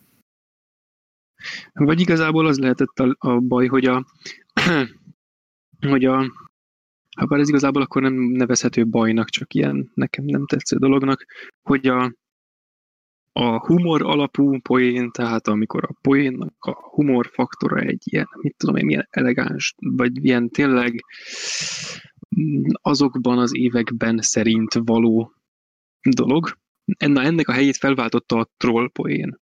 És ez erre épít az egész, amikor a, Star Wars 8-ban, amit egyébként gyűlölök, csak úgy zárójelben, itt van az a... Hulladok valamiért! A kötél lesz a nyakat körül, nem? Ja. Van, a, van ez a rész, amikor ezért már Hamill kimegy, tudjuk már, mivel láttuk a filmet, akkor persze még nem tudjuk, hogy hogy egy ilyen erőkivetülésként, és akkor ott izé harcolnak, és akkor lesöpri a válláról a, a, a semmit kb. mikor izé Az olyan bedes, az olyan Igen, az, király. Az elég bedes, még a legjobbat emeltem ki ezek közül a poénok közül, de már ez is olyan, hogy a franc ugye meg miért ilyen troll Hát en, ennél csak rosszabbak vannak, tehát ez, ez a film poénjainak, amiket fölöslegesen tettek a filmbe, tehát ezeknek a fölösleges poénoknak a csúcspontja, tehát a legjobb, de még ez is ilyen trollpoén jellegű. Eddig a szintig képes jól működni a trollpoén, de nem, nem igazán humoros. Ja, és még egy olyan megjegyzést akartam, hogy igazából a, de erről már beszélgettük, és nem is csak úgy megjegyzésnek tényleg, hogy a, igazából a Star Wars az alapból egy nosztalgia film cucc. Tehát már negyedik, akarom mondani, már az új remény, és az akkor egy skifi nosztalgiára épített, szóval ez, izé, ez ilyen sajátossága. Csak aztán időközben elrontották, és mivel azt akarták nosztalgiázni, ezért az az élmény megint visszaköszönt, és akkor az egész elbaszódott. Na mindegy. Viszont azért szerintem a, nem volt olyan rossz ez a Bad Boys 3, már attól eltekintve, hogy a, a film úgy külsőleg volt értékelhető, viszont külsőségében, tehát akció szempontból nagyon fasza volt, már csak azért is, mert nemrég láttam, egyébként erről már beszéltünk izé, másik epizódban, hogy a, volt ez a Six Underground, ami Igen. akció jelenet szempontjából is azért elég gyötrelmes volt, és hogy na ez nem. Az, az elején az első rendben, hogy jönnek ott a kocsival, ilyen nagyon durván, akkor gondoltam, hogy csak ne legyen belőle Six Underground, és nem lett, és köszönöm, hogy nem lett. Meg Tehát, van egy nagyon fasz a motoros üldözés is. Ja, igen, több motoros jelenet is van, és azok, azok nagyon faszák. És ja. a, a, a, azt a jelenetet meg is néztem Youtube-on, és a nagy részét tényleg megcsinálták, hogy elsőnek úgy néztem, hogy ez most ö, zöld háttér, és ö, gondolom dialógus rész lehet, hogy ö, zöld háttérre megoldottak, de az akció nagy része, hogy azt is felvették valóban. Hogy a színészek ott ültek motoron, meg persze a kaszkadőrök is, és akkor na, ez így fasz. Viszont meg lehetett látni, a, mit csinálnak, mert a Bad Boys 2-nél is oda vagyok azért a filmét, de néha azért ott is a sékikemet, azt főleg a végén ott néha-néha, meg a Six Undergroundhoz képest is szerintem jobb volt itt több akciójelenet, mint a Bad Boys első meg második részében összesen. Mondjuk nem biztos, hogy sokat segít ez, a, ez az akciódúsítás egy akciófilmen is, mert nem is tudom, amiket az előbb felsoroltunk régebbi akciófilmeket, azoknak nem mindig az akció volt a lényeg, nem, hanem a hogy nem. Különösen nem. Maximum, tehát mindig jó, jó balanszban volt, most már inkább agyon nyomták vele egyébként a kis Valamit akartam még ez, de Meg az, hogy 50 év feletti emberek több dolgot tudnak csinálni, mint az első meg második részben 20-25 éve korábban. Igen. Meg, meg volt egy logikai baki is, bár ehhez a harmadik rész majd újra kéne néznem, hogy az első részt nemrég néztem, és akkor ott elvileg a járnidőben játszolik, és az, akkor az a film 95-ös. És ott mondja a a Will Smith, hogy hat éve társak. Szóval 1989 óta, viszont itt azt mondják, hogy még mielőtt társak lettek 90 kettő vagy három környékén beépített ügynök volt, és akkor van egy ilyen story szál Will Smith kapcsán, hogy ami beindítja az egész forgató kerek, vagyis hogy hívják, mm, a mozgatórugóját a sztorinak, és akkor en, már amikor néztem a filmet, akkor fura volt, hogy szerintem itt az évszámokkal nincsenek rendben, és nagy valószínűsége igen ez a helyzet, de hogy, és a, ez a drámai hát, rész, a... film vége fel, az tényleg olyan, amilyen. Egyébként az évszámokkal, ez csak megjegyzésnek, de azzal a keresztapában sincsenek rendben. Van a, az első rész végén a temetés, ahol látszik a kripta. És van a második rész, amiben van az eredet történet, és a dátumok nem egyeznek. Aha. De ez, ne, ez nem baj. Tehát, Terminátornál is, a Terminátor 3-nál is van, hogy Sarah Connor azt hiszem a harmadik résznek a, nek a sírján az évszám alapján azt hiszem fiatalabb lenne, mint ami akkor az első részben volt. Hát, meg, mo- meg most volt a Terminator Dark Fate-nél is egy orbitális nagy hülyeség, rögtön az első két percben évszám kapcsán, hogy ott 1998-at ír ki, miközben a második rész az 1994-ben játszódik, szóval négy év alatt nem öregedtek, és ugyanaz a ruha volt rajtuk négy éven keresztül, mint a Terminator 2 végén. Mondom, mi a fasz? Hát de nem is tudom, egyébként annyiba bevédeném, láttattam be is a Bad Boys-t, hogy nem tudom, mert azt mondtad, hogy 95-ös az első, de ki van-e mondva benne, hogy az 95-ben játszódik?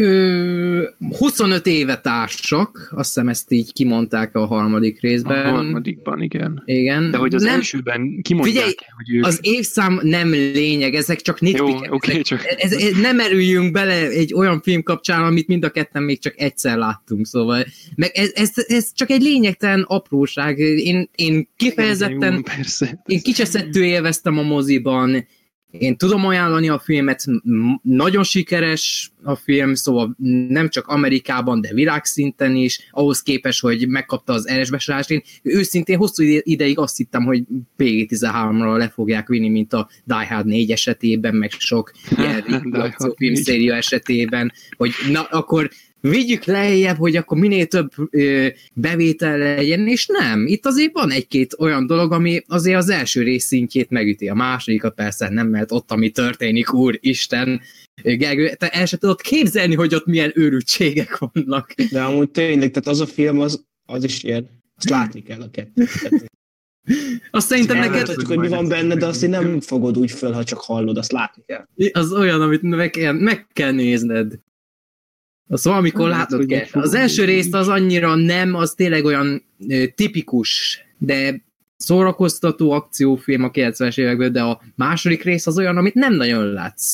Egyedül a Six Underground volt az, ami ö, néhány fokozattal feljebb nyomta a dolgokat, az megint más kérdés, hogy egy-két esetben tényleg jól csinálta, meg másik ö, esetben meg rosszabbul, de szerintem a Bad Ez Boys ugyanaz a, ugyanaz a módszer a Six Under- Undergroundban, az némely jelenetekre segített, más jeleneteket meg rohadtul lehúzott, de igazából ez a, de az, az szerintem végig ilyen konstans izén haladt, tehát végig ugyanazon a hatalmas sebességen robogott. Igen. Ja, Olyan, egyébként, a kokain rendezte volna. ja, ki Black Sheep-et idézünk? Ki, ő ír? Na, megjegyeztem legutóbb. Ez az, az, az, az, szerintem az tökéletes volt filmről. Még azt akartam, hogy csak a... Ja, egyébként van valami, amivel majd meggyőzzük lehet, hogy nézze meg ezt a filmet, mert ugye ez volt a kérés, na hogy van ez a, ez a, ez a hülye párbeszéd basszus, ami több helyütt is visszaköszön, hogy, hogy jól most fested a szakállad. Ez a Ja, borzasztó, de borzasztó. Ez már megint volt. az, hogy vicces hogy most volt. felfog, felfoghatjuk úgy, mint, a, mint ennek a, izé, még egy részt csinálunk, de már az, az, sőt, még az is olyan volt a franc egyen meg, hogy a, az, az összes ilyen komponens az le lett reagálva a filmben, mintha ezzel megszüntetné.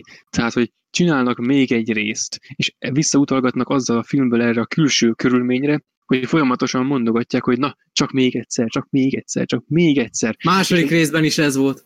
De mintha ezzel eh, jó jóvá tennék baszki, de nem. Meg a másik, hogy amikor csinálják ezt a izé, öreg apuk most akcióznak, izé, amit alapból nem szeretek, akkor erre is, ezt is megpróbálják ö, bevédeni azzal, hogy poénkodnak rajta. És ezért az egész film a, az, mm, még ennek a, a kiöregedős és erre alapozó filmek alapját is nélkülözi, mert inkább poénkodik helyette. Tehát még a karakterdrámának a lehetősége is fel van áldozva arra, hogy, hogy mintha már alapból védekeznének a kritikától a film kijövetele után, a film ö, készítések közben, hogy, hogy ezekkel a poénokkal valahogy itt megpróbálják elfedni.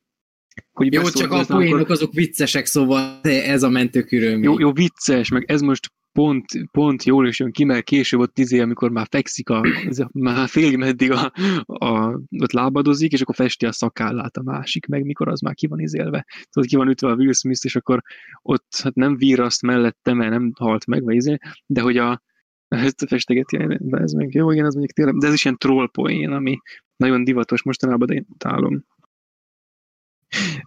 Viszont Lehelnek is meg kell nézni, mert csak ezért, mert az Alexander Ludwig játsza benne azt a nagy darab kigyúrt csávót, aki nevettünk, hogy Igen, egy kis valami hacker, nem? Vagy Igen, igen, igen, aki a vikingekbe is játszotta a björn és, egy, és a szinkronhangja is ugyanaz, úgyhogy meg kell nézni. Nem, mintha... én Ah, szerettem Tényleg úgy ránézésre tényleg olyan, mint egy viking, szóval.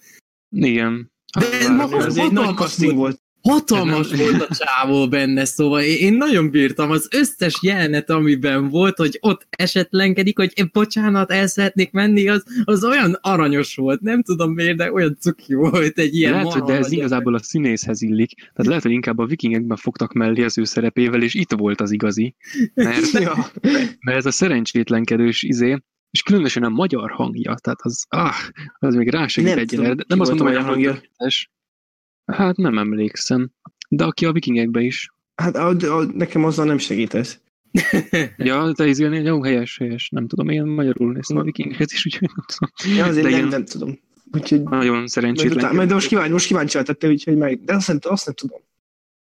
A- a- én Azt el lehet mondani szerintem ö, a nagy trilógiák, meg ö, újraélesztett, ö, új elsőnek fölöslegesnek érzendő folytatások esetén, hogy szerintem a Bad Boys 3 egy csiszolatlan gyémánt. Au. Ezt a poént baszki. Na, menjünk tovább akkor a új Adam Sandler filmre. Nem, nem Adam Sandler, nem Adam Sandler film, hanem Sa- Safety Brothers film. De ez Adam Sandler film. Ez Nem, Safety- Adam, én, de én szeretem úgy hívni, hogy ez egy Adam Sandler film. Pont Safety Brothers film. Én nem szeretem De én- Adam Sandlert. Ez, ez egy Safety Brothers film. Benne Ennyi. vagyok a háborúban, Adam Sandler film. De nem azért szeretem Adam Sandler filmnek hívni, mert hogyha mert ez nem egy úgy a szó hagyományos értelemében véve, ez nem egy Adam Sandler Hát film. tudom, tudom, De azért nem szeretem úgy de hívni. Pont azért jó, mert attól, én pont azért szerintem pont jó, hogy, egy- hogy egy ilyen filmre is lehet mondani, hogy ez Adam Sandler film. A Good Time is nem egy Robert Pattinson film, hanem Safety Brothers film. Fú, Mondjuk, én, na, egyébként én speciálisan én a Good Time-ot azt nem kifejezetten nem szerettem, és pont Ah. ezért én, én látom, hogy a Gergő ö, mi, mi zavarta ebben a filmben, de ebben nekem valahogy már működött az a formula, ami még a Good Time-ban nem. Mert így igazából ez a film, ugye, ahogy írtam a Twitteren, ez, ez egy két órás ideggörcs, agyfasz, és tényleg olyan ideges Hát igen. voltam közben, hogy nem is tudom megmondani, hogy mikor, de a Good Time az inkább csak fárasztó volt, hogy amikor ott a kórházból elhozza a rossz faszit, ott, ott a rossz értelemben húztam föl magam. Hogy na persze. I- Itt viszont ennél a filmnél ennél is ideges voltam, de itt működött nekem. Hát nagy rész Sandler karakterem miatt, az biztos. Igen, tehát itt ez, a, ez a karakterválasztás is jobb volt, hogy itt egy ilyen de egy hát egy simlis üzletember, hogy szépen fogalmazzuk. De a legrosszabb fajtából. Igen, de még a Good Time-ban szimplán csak egy sutyó volt a Robert Pattinson. Hát itt is Itt egy jobban jó a. Sandler.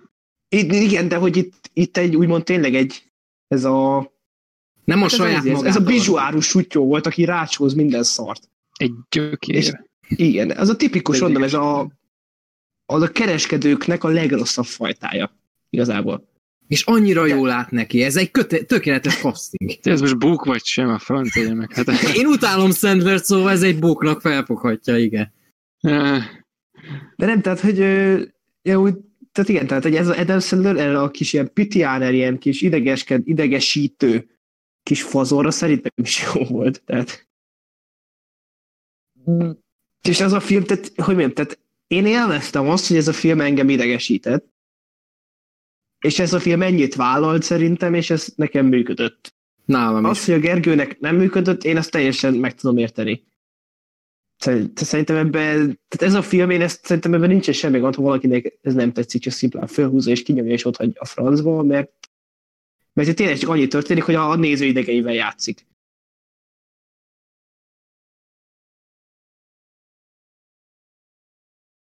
Hmm. Igen. Nézem a Egyébként már nem igazán emlékszem rá, mert a felénél kikapcsoltam. Legalább befejezted? Nem. Sőt, Ja. ja. megkérdeztem lehet, hogy hogyan kell a Netflixnek a, a megtekintés közben lévő filmekről az e-mailes értesítést kikapcsolni, mert borzasztó volt, hogy nem bírtam látni, és már kaptam vagy három e-mailt, hogy nézd már tovább te, gyökér, de nem, nem vagyok hajlandó megtekinteni. De egyébként nézem, mert írtam róla egy-két dolgot, hogy na hát, ja tényleg, ilyen egész értelmes felfedezéseket tettem, tehát például hogy hogy lehetett volna ez minőségi film? Tehát, Ja, egyébként még előtte a Harry Potter 3-nak van az első jelenete, amikor ott kajálnak, és ott van Marge néni, aki rohadt idegesítő. És az mondja, és most az ő hangján kell elképzelni, hogy érezzétek, hogy hogy éreztem magam, ha egy alma belülről rohad, akkor hiába fényesíted a izé. Tehát ezt Marge néni hangján, ezt gondoltam a filmről. De egyébként hogy lehetett volna jó? Tehát úgy kezdődik, hogy az, hogy, hogy az etiópok bányásszák a cuccot. Kiszedik azt a követ, és izé, és opál. emellett... Tessék? Egy opált, nem követ. Ja, ja, igen, igen, igen, az opált.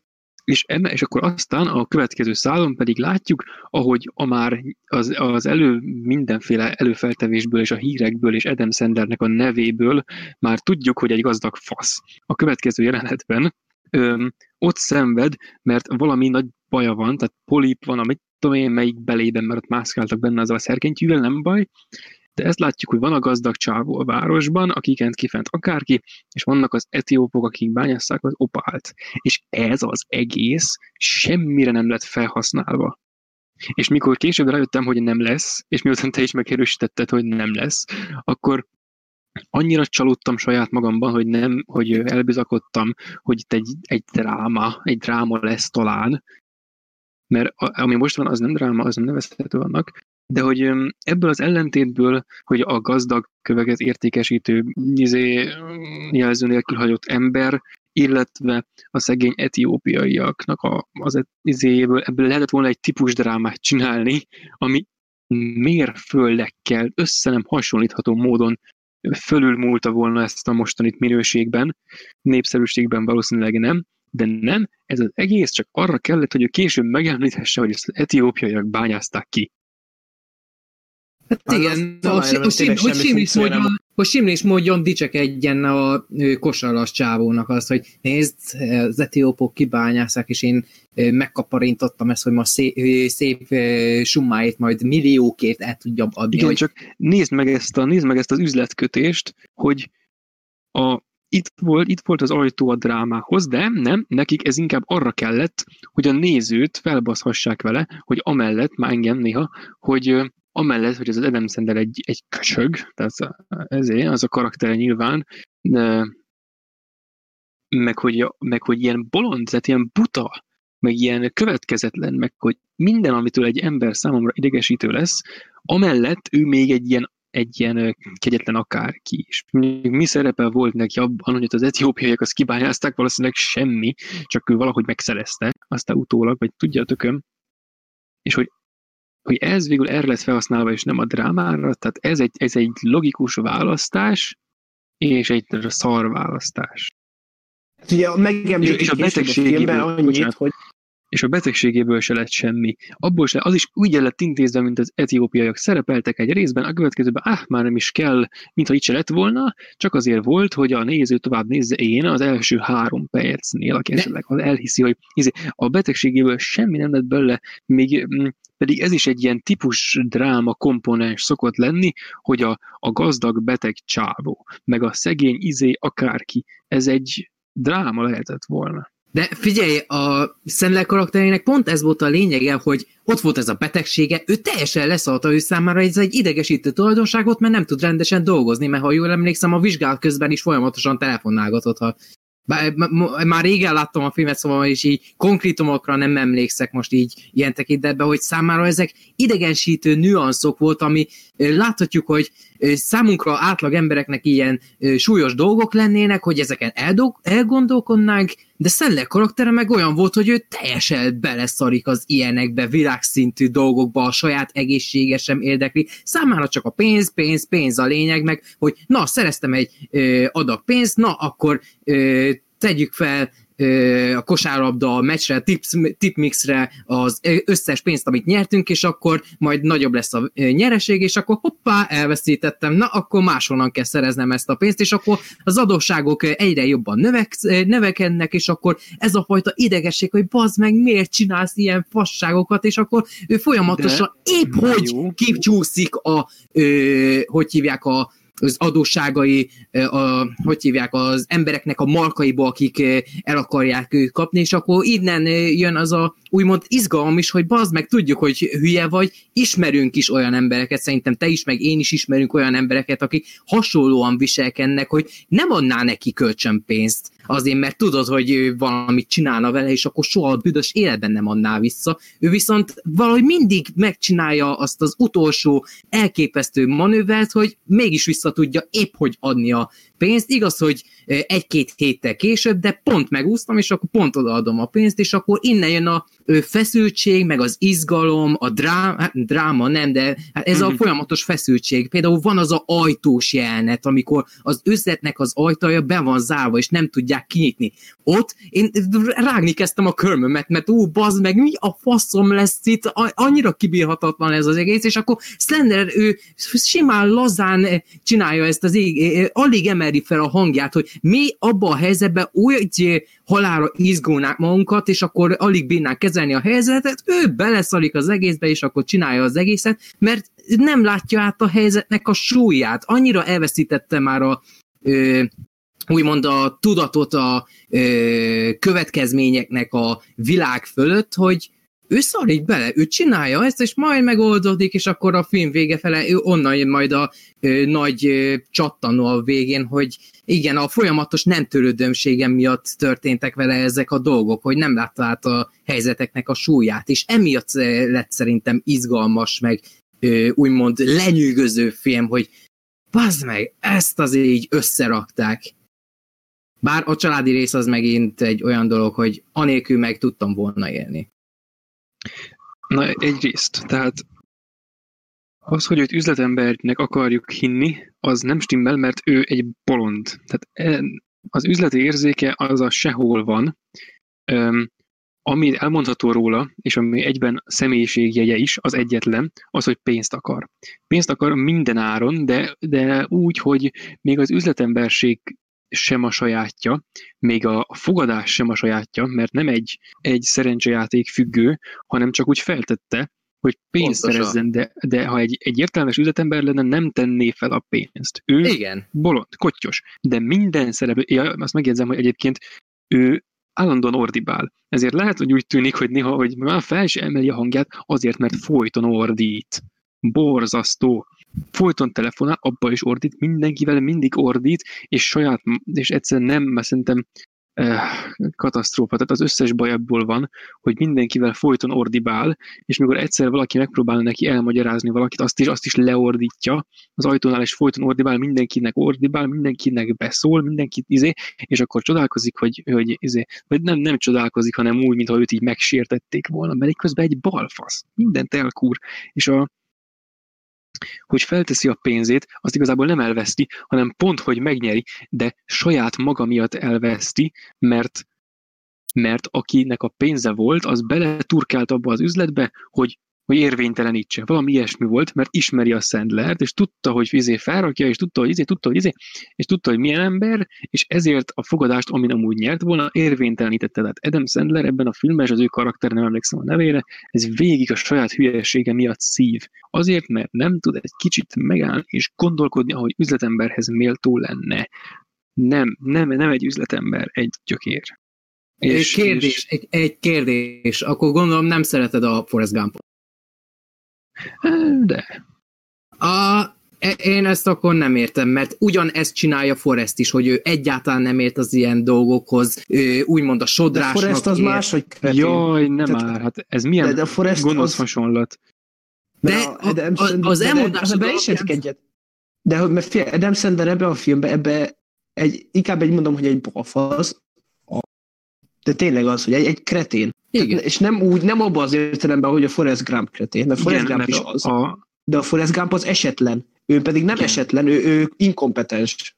A saját jogán gyökér. A Igen. Forrest Gump pedig Forrest nem. Gump az meg, igen, tehát ő, ő esetlen, de ő azért, mert ő így született. Ez meg, ez Valószínűleg ez is így született, hogy ő is így született, de hogy folyamatosan hozta igen, ezeket a hülye döntéseket, és már de nem ez olyan, mint, élni. Igen, de ez most ezt úgy kell elképzelni, mint hogy amikor van, aki tényleg, mit tudom, valaki nem tud olvasni, mert diszlexiás, meg van, aki nem tud olvasni, mert Szimplán béna és Meg- baszott házi feladatra csinálni, meg otthon olvasni. Viszont ezt a Forrest Gumpos dolgot azért tegyük helybe. Tehát az egy olyan film, amiben a, olyan, mint, a, mint amilyen könyv a, a száz éves ember, aki kimászott a izé, és elhagy, stb. a 101, na mindegy. És hogy amiben van egy ilyen főhős, aki a világról kb. izé semmit, vagy nem is, tehát teljesen izé, a Forrest sem érti soha, hogy mi történik vele, akivel csak úgy megtörténnek a dolgok. Vele abban az esetben például egy ilyen hatalmas szerencse végig. Meg hogy igazából semmit nem tud, a, izé, valaki, a csaj mondja neki, hogy, hogy izé, fuss Forrest, és egész életében fut, és olyan híres lesz, hogy nem igaz. Egyik percben kezébe adnak egy pingpongötöt, hát abban is kurva jó lett. Meg, meg katona, meg visszamegy, meg stb. Mert, öm, és ezek a dolgok ilyen, ilyen, öm, ilyen teljes véletlenben állnak, ilyen nagyon szép, az egész film egy ilyen ö, isteni közbeavatkozás, az egész egy ilyen ö, hatalmas, hogy valaki ilyen, hát mondjuk fogyatékossággal él, és, és közben ilyen szép dolgok történnek vele. De a Forest az egy, az egy nagyon egyedi film, és tök jó, hogy beszélgettünk az 1917-ről, mert abban még benne van a háborús komponens is, és az abból a szempontból egy egyedi háborús film, amellett, hogy egy nagyon szép típus dráma, és amellett, hogy egy, hogy egy ilyen, egy ilyen tehát abban van karakter, karakterisztika, tehát az így fellelhető benne némelyütt, meg mindenféle dolgok. Szóval ezt, ezt a hasonlatot nagyon nem szeretem az Adam Sandler-es és a Forrest Gumpos dolog között, mert nem, nem real. Jó, de a Sandler kapcsán meg nem kaptunk olyan mély szintű beletekintést a lehetett korábbi volna. életébe. Lehetett Hát- volna, de itt nem. A Forrestnek a, mit tudom én, a ö, halászatos részéből önmagában lehetett volna egy teljes filmet csinálni, úgyhogy úgy, szerint- hogy az előtte levő dolgokat nem tudtuk volna. Úgy, mint itt a Csiszalat Nagy Gyémántnál se De tudjuk az előtte lévő dolgokat. De az ott nem egy történetközi komponens, hanem egy, egy ilyen kellemes, öm, hogy is legyen, tehát az egy ilyen következő lépcsőfok. De meg nézd meg, ott van a remény rabjai, annak is az a vége, hogy ott vannak a hajónál. Tehát az egy ilyen történetvégi dolog, nagyon kellemes. Mert, hogy, hogy, mm, nem, tehát hogy persze lehetett volna arról is filmet forgatni, de hát miért forgattak volna a filmet?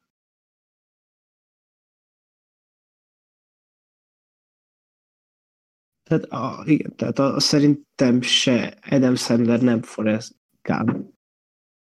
Csak Meg itt nem is az a lényeg szerintem, hogy, hogy mennyit tudunk a karakterről, mert őszintén szólva nem, nem szeretnék többet, de hogy itt szerintem nem az a, nem a háttér. Szerintem is a film előnyére volt az, hogy nem tudtunk róla szinte semmit, és akkor Azt, azt folyamatosan elhiszem, hogy meg tudták valósítani, amit a filmmel akartak, de az tuti biztos, hogy ez egy aljas dolog, és hogy nekem nem tetszik.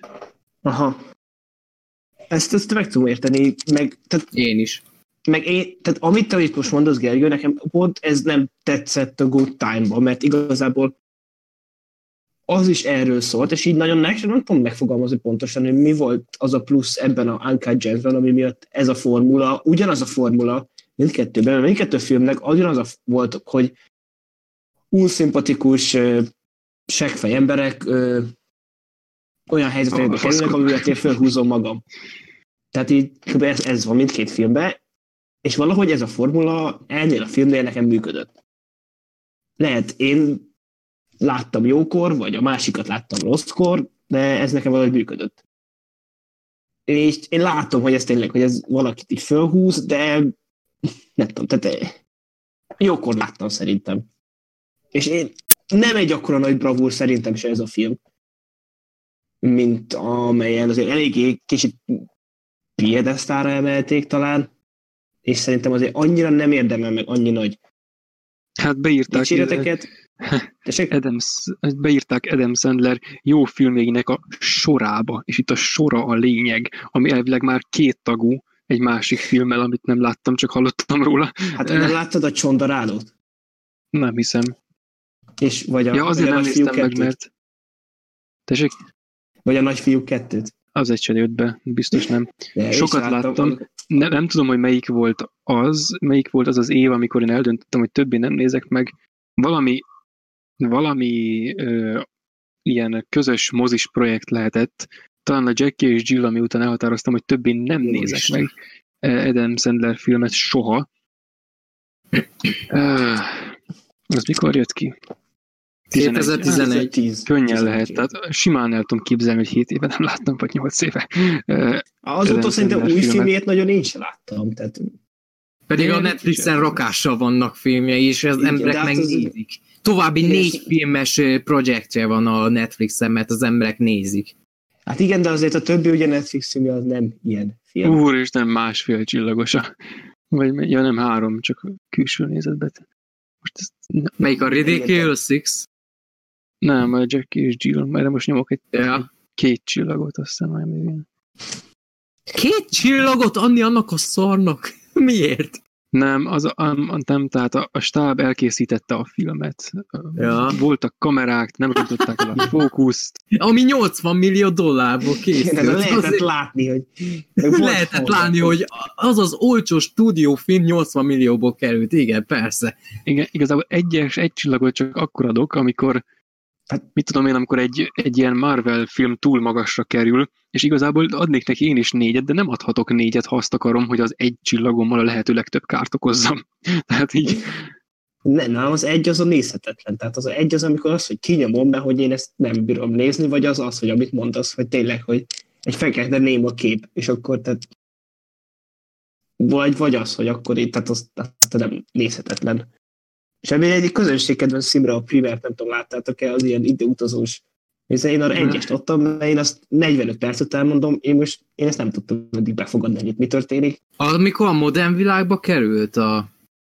nem, nem jut nem, nem, nem, ebbe egy ilyen garázsba vannak, és akkor Ja, már azt tudós- hittem a másik. most ilyen tudósok valami Á, időgépet találtak fel, és ilyen össze-vissza fasság az egész. Úristen. elvileg van értelme, és sokan szeretik, de én egyszerűen nem tudtam befogadni azt a filmet, úgyhogy arra én adtam, hogy nem. Ja, most eszembe jutott a távkapcsolat, ez gyötrelmes. az, az De Nálam, a- nálam a pószter az olyan szinten elriaszt, az, az a szintű Abban a- az a filmet, az, azt a filmet, az remekül jellemzi a Ray Liotta-nak a mondata, olyan fosízű a szám. Tehát, Ah, mert hogy megállítja az Adam Sandler az időt, és a Ray Liotta a főnöke, és megállítja az időt, arcon fingja, vissza a helyére, és a Ray így közli, hogy olyan fosízű a szám. Ö, és 6,4-es, ú, két csillag, bum. Most bombázod a Sandler filmeket. nézd meg, és a legtöbben hetet adtak rá, hát mi ez? Büszkén Egyébként- ki magam ebből a társaságból. Egyébként a csiszolatlan gyémánt kapcsán nálam egyedül a családi rész volt az, ami a, ezt a feszes tempót, meg feszültséget, ö, ezek a részek, igen, megtörték, nagyon meg indokolatlanul hosszú a film. A Good Time-ba az tetszett jobban, hogy az azért jóval kompaktabb, legalább 20-25 perccel rövidebb az a film, mint az Uncut Gems, és hát nem véletlenül, hogy annak a filmnek jót is tett az, hogy jóval rövidebb volt, mint i- míg itt, mondtam, ó, oké, élvez, tudom, nagyon szeretlek Judd Hirsch, de most nem téged akarlak látni, hanem a ö, ocsmánságokat, amikkel a Sandlerre fognak történni a későbbiekben, és volt az a licitálós rész, na, az, az egytől egyik ki lehetett volna vágni, és másképpen megoldani a helyzetet, az úgy nem működött. szerintem egy marketing fogás volt a hossza is egyébként. Lehet. Hát Hosszú film, úristen, hát csak nem Adam Sandler féle. Ilyen két és két óra 15 perces film már nem lehet rossz. Tehát, Igen, az, az csak azok vállalják be, akik tudják, mit csinálnak, de igen. Na jó van, a, menjünk tovább. A, Előbb felmerült Hitler neve. tényleg, még előtte gyorsan én beszélnék. Ja, A- igen, bocs. H, nem HBO, BBC-nek, a Netflix közösségnek a Drakuláról, amit csak én láttam. uh-huh. de egy nagyon bizarr élmény volt, és ezt kicsit ki akarom adni magamból. De nem tudom, mit tudtok erről? Tudtok-e valamit erről? Én semmit. Annyit, amennyit írtál nekem, de sem. Aha. Én sem nagyon tudtam, úgy jöttem neki, hogy elmondom, csak három rész, azok csinálták, akik a Sherlockot, úgyhogy annyira rossz nem lehet. A És tényleg 2010-es három- Sherlockot? Aha, igen, ugyanaz a készítő Hmm. csapat. Ugyanaz az írócsapat is, mert azért Nem a tudom, hogy mi a, ez a készítő. a negyedik évadnál a market- Sherlock az egy igazi agyfasz lett, szóval Figyelj, tehát e- ez is egy nagyon bizarr élmény volt ez a három rész. Ez három másfél órás rész, és tehát az első rész volt messze a csúcs, tehát utána már csak lefelé vezetett, és az első rész az a 1800-as évek végén játszódik, és tehát az, mint horror film vagy sorozat, tehát az, az tényleg egy hatalmas igazságtétel az egész vámpír mítosznak. Mert mint horror szerintem rohadt jól működik az első rész, és nagyon hatásos. A Drakulát játszó színész szintén nagyon karizmatikus, és az első részben úgy tényleg egy jó a sztori is, és úgy visz előre, vannak benne fordulatok, és így úgy voltam, hogy mondom, ez ilyen lesz, hát akkor az úgy, ez így elég rendben van. És tehát így úgy kell elképzelni, tehát az első részben ott olyanok vannak, hogy a Dracula megjelenik úgy, hogy jön egy kóbor kutya, az így összeesik, elkezd remegni, és annak, hogy a testéből előmászik így mesztelenül, csupa belesen, meg véresen. Tehát ez olyan, nem- mint az Alien 4. Igen, körülbelül. hogy Vagyis nem- Alien 3, bocs. Alien 3. Igen, csak hogy itt nem finomkodtak ilyen dolgokkal, és a tényleg a sztori tök jó a első részben is. Arról szól, hogy a Dracula ö, hát területet akar venni Angliába, és oda akar költözni, és ő meghív egy ilyen a brit ö, jogászt, azt hiszem, magához, és akkor szépen lassan ott így a jogász így, ott, ott ugye ott él a Dracula kastélyában hetekig, hónapokig, és így szépen lassan kezd megőrülni, meg így észrevesz, hogy elkezd gyengülni a saját teste. És akkor ugye ez az első rész, szavazásít, és a második részt ott már egy kicsit éreztem. Az is még úgy, ahogy jó volt, de ott azért kicsit éreztem, hogy itt azért ez, ez így fura. Tehát a második rész az igazából az arról szól, hogy a Dracula hajón megy Angliába, és így tudod, ez a kitette krimi, csak a Dracula szemszögéből. És ez megy másfél órán keresztül, hogy ott ölik az embereket, és így hogyan tartja titokban, hogy ő azt ott gyilkolászik.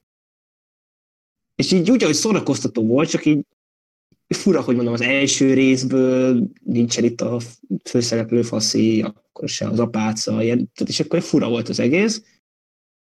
És akkor utána 20 vagy 19 lapot húztak, és all nyomtak, és úgy ért véget az első rész, hogy amikor a Dracula, ez most elszpoilerezem, vagy nem tudom, hogy elszpoilerezhetem-e, aki Jó. szerintem érdekelt, ez látta, nem tudom, hogy ennyire. De hogy a második rész végén ö, a jelenbe köt ki Dracula.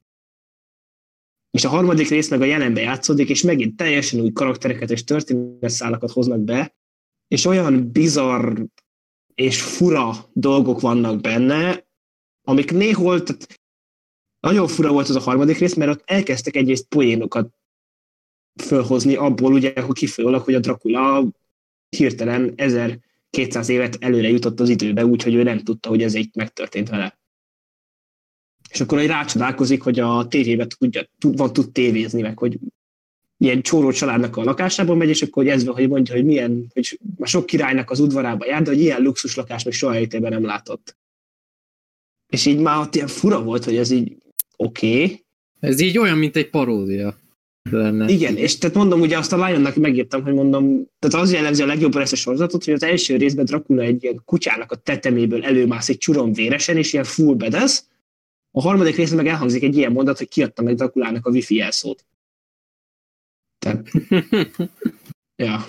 És a végére pedig tényleg egy nagyon ambiciózus és ötletes dolgokat meglépnek, csak ez ettől függetlenül nem feltétlenül jó. Úgyhogy az első részt azt én ajánlom mindenkinek, mert az marha jó. Utána meg egy nagyon-nagyon bizarr élmény. Ami tényleg egy talán inkább azt mondom, valaki meg is néz az első részt, inkább azt hagyja úgy, és hogy nem rogy, nem mocskolja be annak az élményét a folytatásokkal. Mert az fú. Tehát van, tehát ilyen szimplán csak ilyen olyan dolgok voltak benne, hogy ez ilyen, ez tök beteg. Tehát, hogy így, Á- Általában ilyet évadokra szoktak mondani, hogy az első évadot nézzétek, meg a többi évadot ne itt pedig rögtön az első Igen. rész.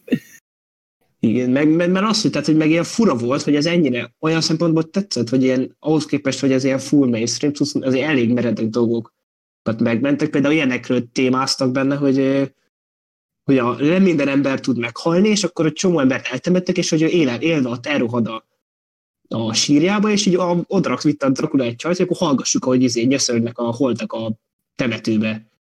És így mondom, mi a fasz? Hm. Úgyhogy, úgyhogy gyenge gyomrúak semmiképp sem nézzék, mert ezt nem, nem a jó tétlelkeknek lett kitalálva. És ja, nagyon fura lett a végére. De ezt szerintem minden, ez mind, tehát mindenhol ezt olvastam, hogy mindenki így volt vele, hogy első wow, második, eh, harmadik, eh. Úgyhogy most lehet menni Hitlerre. Hitler tanár úr? Igen, amit én megint nem láttam, de ti elmondjátok, hogy miért nézem meg a Jojo Nyuszit. Akkor Gergő, te most. Még nagyon nem hallottunk. Hmm. Hát ilyen meglepő, tehát uh, igazából némileg tudom rokonítani majd a későbbivel a Freaks-el, de csak így uh, módszer szempontjából, tehát én sokáig azt hittem, hogy ez a film ilyen kamu. Tehát ez, ez, ez nem egy film, tehát ez ilyen uh, dolog. De aztán hogy, szépen... Hogy érted úgy, hogy hamis előzetesként érted meg, vagy amikor elindult a film? Hát igen, az előzetes az mindenképpen ilyen nagyon eltúzott, elrettentő, is nevezhető dolog. És ahhoz képest nagyon szépen adagolt a, mit tudom, a karakter, egy, egy faszadráma, egy, egy nagyon jól adagolt a karakterisztikát, a történet is jól haladt. Nem tudom, igazából faszabb volt. Talán, ha majd belekezdesz, akkor jobban tudok róla. A, a második világháború idején van a, ö, mindjárt ö, mondom, ö, hogy hívták a teljes nevén a srácot? Ö, Jojo... Hmm. Hmm, nem emlékszem. Rabbit. ne. ez, ez egy becenév, mert ez a srác úgymond a Hitler Jugend táborba kerül. Azért, mert dicsőíti Hitlert, mert úgymond példaképeként tekinti, és a legjobb barátja is elmegy a, a Yorki, a legjobb arc a filmben ez a az Yorki, tényleg a legnagyobb forma az egész. Yorki nevű srác, ő, a, ő ketten úgymond legjobb barátok, és akkor elmennek ebbe a táborba, hogy dicsőítsék Hitlert, meg hogy valamikor úgymond felkészülten lépjenek be majd a felnőtt világba, úgy, mert ők az ária Jojo az konkrétan szőke, ha jól emlékszem, kékszemű is, és akkor dicsőíti Hitlert, és akkor megkapja ezt a becenevet, hogy Jojo Rabbit, mert nem tud megölni egy nyuszi. Ez úgymond beavatási szertartás is, hogy a kemény ö, árja németek azok bárkit meg tudnak ölni, és akkor egy nyuszi megölése az semmi gondot nem jelenthet, és akkor Jojo számára ott van a képzeletbeli barátja Hitler, aki úgymond a saját képzeletének az idealizált változatát testesíti meg ez a karakter, akit Taika Waititi alakít, egyébként szerintem fenomenális, olyan nagyon fergeteges, jó, nagyon, nagyon fergeteges ez a csávó ebbe a szerepbe, és megtudtam, hogy eredetileg nem magának írta a szerepet, viszont nem nagyon talált embert, aki egyáltalán elvállalta volna ezt a szerepet, meg hogy az a, a vízióval, hogyan Vatiti képzelte ezt a karakter, senkit nem talált, és akkor úgy döntött, hogy jó, akkor majd ő el fogja játszani ezt a szerepet, és hát nagyon is jól csinálta, és akkor úgy is viselkedik, mint egy gyerek, mert úgymond, amikor Jojo-nak személyes drámája van, az idealizált dolgokkal kapcsolatban, vagy a helyes dolgokkal kapcsolatban, amit eh, meg kéne csinálnia, akkor eh, szokott előjönni a képzeletbeli barátja, úgymond tanácsot kérni tőle, vagy saját magával vitatkozik ezzel kapcsolatban, hogy helyesen kéne cselekednie, de akkor most mi a helyes, hogy most akkor az árja németeknek, eh, a gestapónak jelentse, jelentse ilyen meg olyan dolgokat, vagy hallgasson az anyjára, mert kiderül, hogy az anyja, a Scarlett Johansson egy zsidó lányt bújtat a házukban, akit a Jojo megtalál, és akkor fél tőle, mert azt azt hiszi, hogy a zsidók azok megeszi, ilyen, meg, megeszi, hogy ilyen vérszomjas szörnyetegek, olyanok, mint a denevérek, a vámpirok, akik fejjel lefele alszanak, meg a lány alá is teszi a lót. Igen, az hogy, még adja alá lovat. Igen. igen, hogy ők milyen borzalmas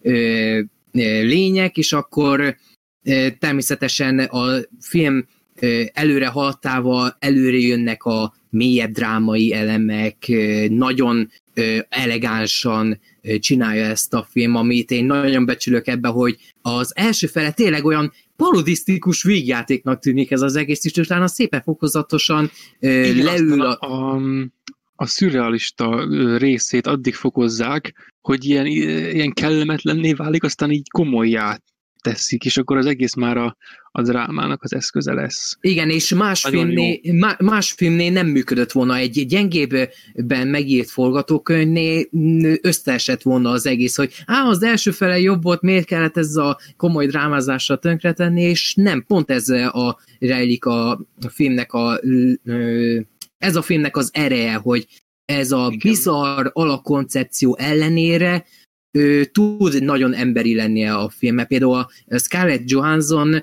aki a Jojo-nak az anyját játsza, ő konkrétan teljesen kétségbe van esve, hogy a fia konkrétan egy szintiszta náciként tekint a saját fiára, holott nem tudja, hogy a fia az részben a csoportosulás jegyeként talált menedéket ebbe a nácizmusba, hogy azért csatlakozott ide, mert a barátai is úgymond dicsőítik Hitlert, meg a horogkeresztet, és akkor ő is ez, ehhez a csoporthoz akar ö, csatlakozni. Yorki pedig, az pedig sodródik az ára, az tényleg... Vagy, de vagy inkább azért csatlakozott, mert a többség, meg azt is látjuk, hogy ő igazából nem ilyen. Jó, a Yorki az, az, az a legdurvább, tehát az, az szarik az egészre. Az, mikor ott később beszélgetnek, hogy hát izé, elmondja, hogy hát meghalt Hitler, de így, mint aki izé, tehát, ó, annyira tesz az egész, hogy ez nem igaz, kurva jó karakter. meg maga a színész srác is egyszerűen elképesztő, meg a, többi, meg a többi mellékszereplő is azért ott volt aztán például Rebel Vizonon én nem tudom, hogy nevettem-e valaha filmben egyáltalán. Ö, igen. Ezt, Ami a, a fura élmény volt, meg Sam Rockwell az mindig jó, ő az a tipikus náci hadnagy volt, ha jól emlékszem, vagy százados, aki a háború későbbi szakaszában lefokozták, és akkor magasról szalik ebbe az egész nyári táboros herce hurcába, és akkor tessék itt egy gránát, dobjon el, és akkor hatalmas itt is ebbe a szerepbe, alapjáton Sam Rockwell mindig jó egy filmben, szóval ő rá sosincsen panasz. Meg tényleg a anya-fia kapcsolat is jól működik a filmben, meg később a gyerek meg a lány között is jobban megismerik egymást, és akkor nem nagyon szeretnék erről a filmről túl sokat elmondani, mert tényleg ez az a fajta film, ami nagyon maradandó, nagyon mélyen, mély nyomot hagyott bennem, hasonló módon, mint a király ez a srác, csak szerintem ez egy nagyon picit jobban csináltam, mert jobban tudta a ö, bizarr stílusa ellenére ö, úgymond ö, ö, visszafogottan, ö, föltözragadtan átadni az üzeneteit. Még én egy, egy részt majd ki akarok emelni, hogy én azt hogy csináltam volna, típusú vizé. De előtte még egy meglátás, hogy ugye ebben a filmben benne van a, az Elfi Ellen, aki a, ez nekem annak a szimbóluma, hogy a, a trónok harca mennyire kisajátította magának a színészeit.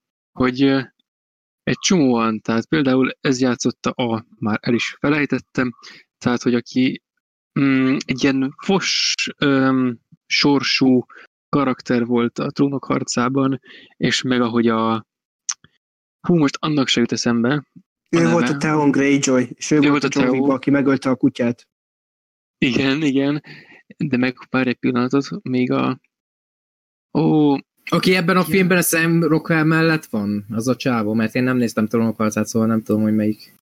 Szerintem már állnak ott egymás mellett mindenféleképpen, de igen. Ő, te meg a John Wickben a kutyát onnan ismerheted. Ja, aha, akkor tudom már. Jó. Uh, ki a, neki a, a ó, basszus, nagyon nem emlékszem a trónok arcára.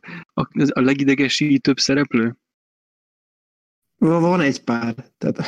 De mondd a függ, hogy, hogy érted egy legidegesítő? A... Na, a Joffrey, tehát hogy csak na, vele, vele akartam példázni, hogy például ők, meg a, a meg ez a, az Alfie Ellen, meg a többi trónokharca szereplő már csak ilyen mellékszerepeket kapnak, mert annyira kisajátította őket a sorozat, mert az a szerep annyira jó volt nekik, és ha abban a sorozatban az annyira jó castinggal egy annyira fos karakter játszottak, akkor szerintem a mindenki fejében egyöntetően összekapcsolódott a, az ő fos szerepük, az ő fosságukkal, ami nincs így. Igen, hát ez a tipikus sorozatos ka- karrierformula. Igen, ez egy mellékhatás, de hát ez már csak így van. Nincs le mit csinálni. De, de hogy ő is benne volt az ebben a filmben, mint ilyen mellékszerepben, ami neki osztály része jutott szerintem a, ezért, a filmes világban ezen túl. Ebből, ebből egyébként az Emilia Clark is csak azért tudott kitörni, mert főszereplő volt. Ki, ki tudott? Akkor, Inkább úgy érzem, hogy ki tudott törni? Hát nem, benne volt a szólóban. Meg a Terminator Genesis-be. Azért, én, tehát, Pedro Pascalnak jobb a karrierje. Igen, nem, tehát hát azért... Egy, jó igazad van, igen. De azért... azért Emilia Clark, én az, hogy kitörni, én azt nem mondanám. Én se. Nem, hát jobb színész nem lett, tehát most is neki, is, neki is csak egy arca van, azt játszom minden filmben, és csak olyan filmekben megy, ahol olyan karaktereket akarnak, mint amilyen ő, attól eltekintve, hogy abban a film koncepciójában rohadtul nem illik az a karakter, amilyen ő például a szólóba. What the fuck, nem baj. De lényeg, hogy a sorozatos izéből szerintem kitört a saját maga bénaságából, jaj, de alacsony, mindegy, saját maga bénaságából még nem meg abból se, hogy, hogy csak szar szerepeket kap, de ez majd talán megváltozik idővel. És még annyit akartam, hogy a Lion biztos emlékszel arra a részre, most úgy próbálom úgy mondani, hogy ne legyen bele spoiler, amikor a, a Jojo olvassa a az utolsó Igen. levelet Igen. A, a csajnak. Igen. És akkor um, úgy, úgy fejeztem volna be a filmet egyébként, mert néha amikor elkap a, a komoly dráma vonulat, akkor mindent, mindent... Igen, volt jojo egy olyan döntése, hogyha ezt megreli, még én mondom, Basz Azt meg. meglovagolják. De Mondom, bazd hogy... meg, ilyen nincs, és zseniális lett volna. Igen, zseniális lett volna. És várjál, úgy, úgy fejeztem volna be, hogy olvassa ugye a, a levelet, um, na mondjuk, ez olyan hasonlattal lehetne legjobban, ha olvassa az üres szavakat, tudod, hogy miért Igen. mondom, és hogy aztán mondjuk benéz ahol be kell néznie, és az, az a hely, az, az szintén üres, de olyannyira üres, mint a soha nem lett volna hogy senki. Hát na ez, Ah, és ilyen, nem, egyébként már azért is hálás vagyok ennek a filmnek, hogy ezzel a gondolattal lejátszhattam, hogy na, ha így lett volna. Mm. És aki majd megnézi, az, az gondolja végig, mert nagyon durva lett volna. Mm-hmm. De tényleg ilyen, ilyen korszakalkotó dráma szinten durva. És egy teljesen, teljesen üres, kipucolva egy rajz sincs a falon, semmi, és ez a kis oldú is olyan üres lett volna. És hát a, a magának a filmnek a struktúráját is egy-két helyen meg kellett volna változtatni ahhoz, hogy tényleg működjön, de ez a gondolatiság, ez tetszik benne amúgy. Ja, ez nem rossz. Én a, tudod, hogy melyik befejezést szerettem volna, amit Jojo meglépett, az az úgy, amit elsőnek meglépett, mondom, az meg az nagyon durva, de... Alap... Igen, de meg egyébként szerintem ők is úgy akarták végül, csak aztán meggondolták, és ilyen isteni közbeavatkozás szinten jóvá tették. Én nem bánom annyira őszintén, én, mert én sem bánom, hogy a, végül így lett. Gyere, a gyermeki lélek az ilyen hirtelen döntéseket tud hozni. Az már, megint más kérdés, hogy ebbe a háborús helyzetben hogy reagáltak volna, meg ilyenek, de összegészében én nagyon örültem ennek a filmnek. Még nagyon vaciálok, hogy melyik tetszett jobban, mert ez vagy a király, ez a srác, mert sok tekintetben hasonlóak a filmek, mégis nagyon különböznek egymástól. A Jojo Rabbit az szerintem jóval bátrabb film. ilyen tekintetben. Meglepett, hogy eléggé vegyes kritikákat kapott, és ahhoz képest kijutott az Oscarra több jelölése, Taika Waititi meg is kapta az Oscarját. Azért elmondhatjuk azt, hogy Marvelnél van már vagyis egy újabb Oscar-díjas rendező. Így vagyis Ryan Coogler az kapott Oscar? Coogler. Coogler, ez jó. Ez még De mindegy, tényleg, Taika Waititi, tényleg ez az egy úgymond első jó rendező, aki tényleg kapott valamilyen Oscar-t a Marvelon belül, meg számomra ö, eddig ez a kedvenc filmem Taika Waititi-től, mert hát, de, igen. Tetszett a vámpíros filmje, meg a vademberek hajszájával is teljesen el voltam. Egy picit többet vártam volna tőle, talán egy picit Captain Fantastic, vagy valami hasonló félit vártam tőle is. Részben megkaptam tőle, de nem tudom, volt abban a filmben valami hiányhézet, amit nem kaptam meg. Itt viszont minden klappolt. De egyébként annak is van egy ilyen jó kis utóíze, hogy a, egy Marvel belüli alkotó a Marvelen kívül kap egy oszkát. Meg jelölés, hát Scarlett Johansson is kettő jelölés Igen. kapott a Marvelen kívül. Hát helyes. ez igazából jó, jól van így, helyes. Az biztos, hogy Scarlett Johansson jobban, teszte, jobban kezdte a Marvel utáni létét, mint Robert Downey Jr. És az, az, elő, az előttit is. Igen.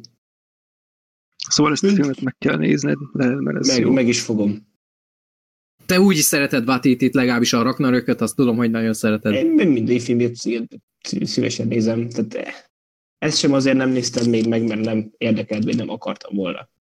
Úgyhogy Na igen, ne, ne, sok jó kell, film csak, volt. kell nagyon győzködni. Tehát, igen, és sok jó film volt, ez volt az év végében, meg az év elejében a legrosszabb dolog, hogy annyi jó film jött, rövid időn igen, belül. És a januárral nagyon meg Igen, és hamarosan, hamarosan megint lesz két-három hónapos időszak, amikor semmi nem lesz a mozikban és akkor nem fogunk menni mozikba, hanem pótolni fogjuk majd a 2019-ben hátrahagyott filmeket, amiket vagy nem adtak ki még Magyarországra, meg egyéb dolgok.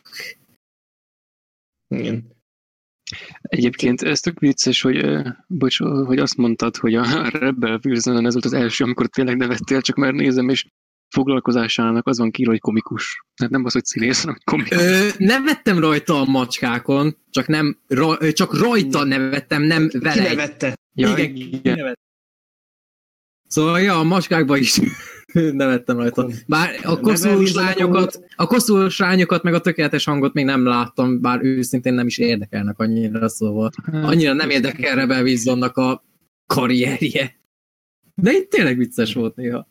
Meg a Pain and Gain-ben sem volt rossz. Volt, csak ott volt szerencsére három perc ideje. Nem is, nem is emlékszek rá. Ő volt az Anthony Mackie-nek a barát. Úgyhogy, ja, ja, talán rémlik valami. Na mindegy. Úgyhogy, ja, akkor menjünk tovább. Most egy sorozatról fogunk beszélni, de full spoilermentesen, csak ajánlani fogjuk, mert azért ez egy meg egyrészt megérdemli a figyelmet, meg másrészt nem annyira ismert. Ez a Final Space, ez egy animációs TBS, Amerikában a TBS által gyártott sorozat. Van a Netflixen is. Igen, itt eh, ja. nálunk a Netflixen legálisan megtekinthető. Én is ott néztem. Egyébként megnéztem, mikor, hogy eh, de aztán rájöttem, hogy nem tudom bepótolni ilyen gyorsan, meg az, annyival nem is ragadott meg, úgyhogy meghallgatom az ajánlótokat.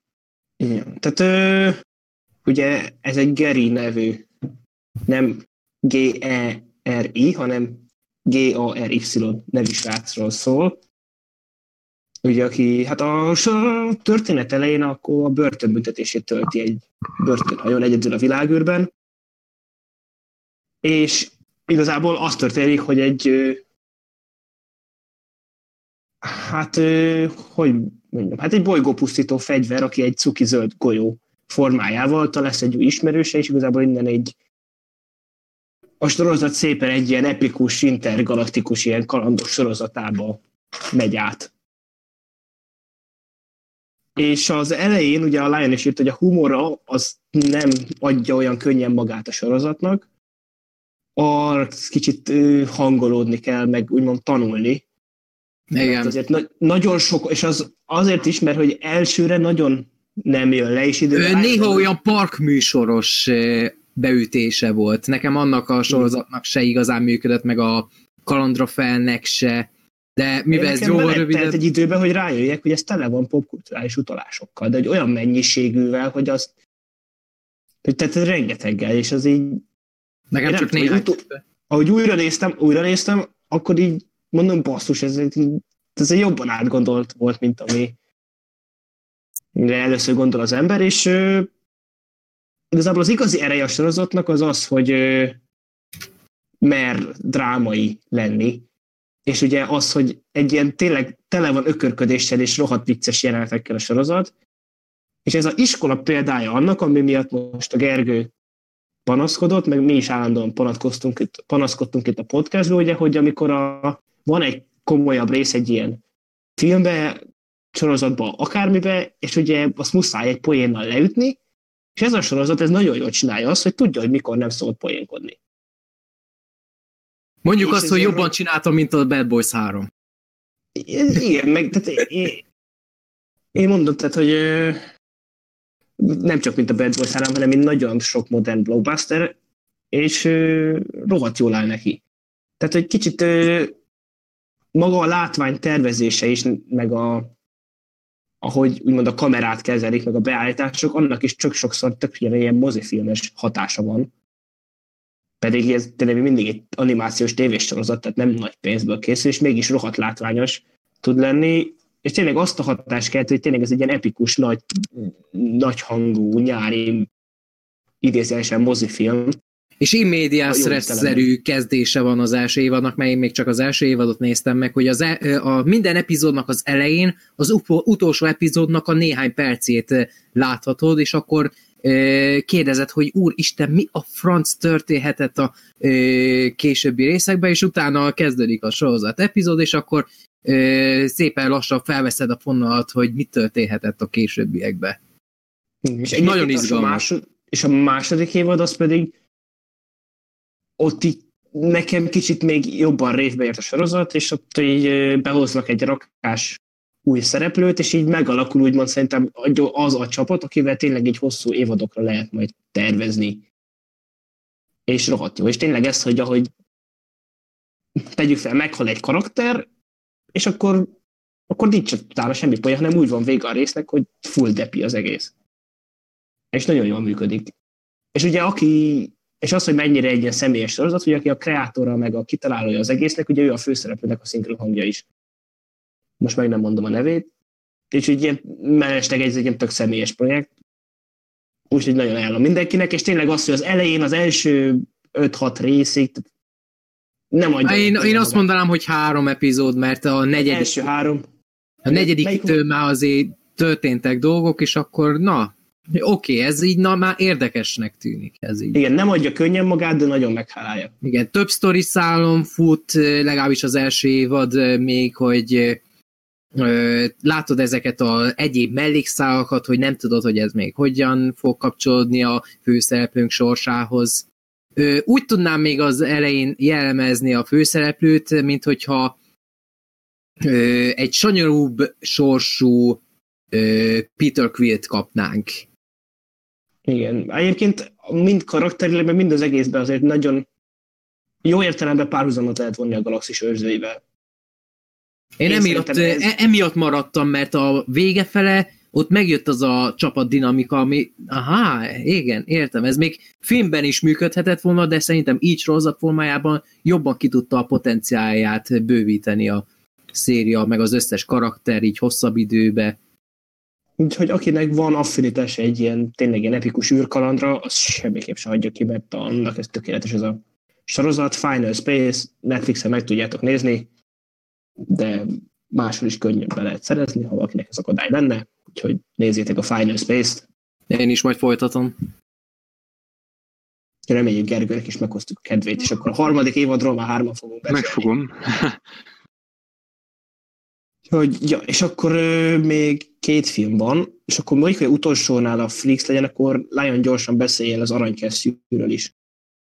Igen, a, ha jól emlékszem, az előző adásban volt, vagy az előző kettő adás közül valamelyikben, hogy felmerült az aranykesztyű, hogy meg akarom nézni, és akkor végül sikerült megnézni, csak végül elfelejtettem valamelyik adásban beszélni róla.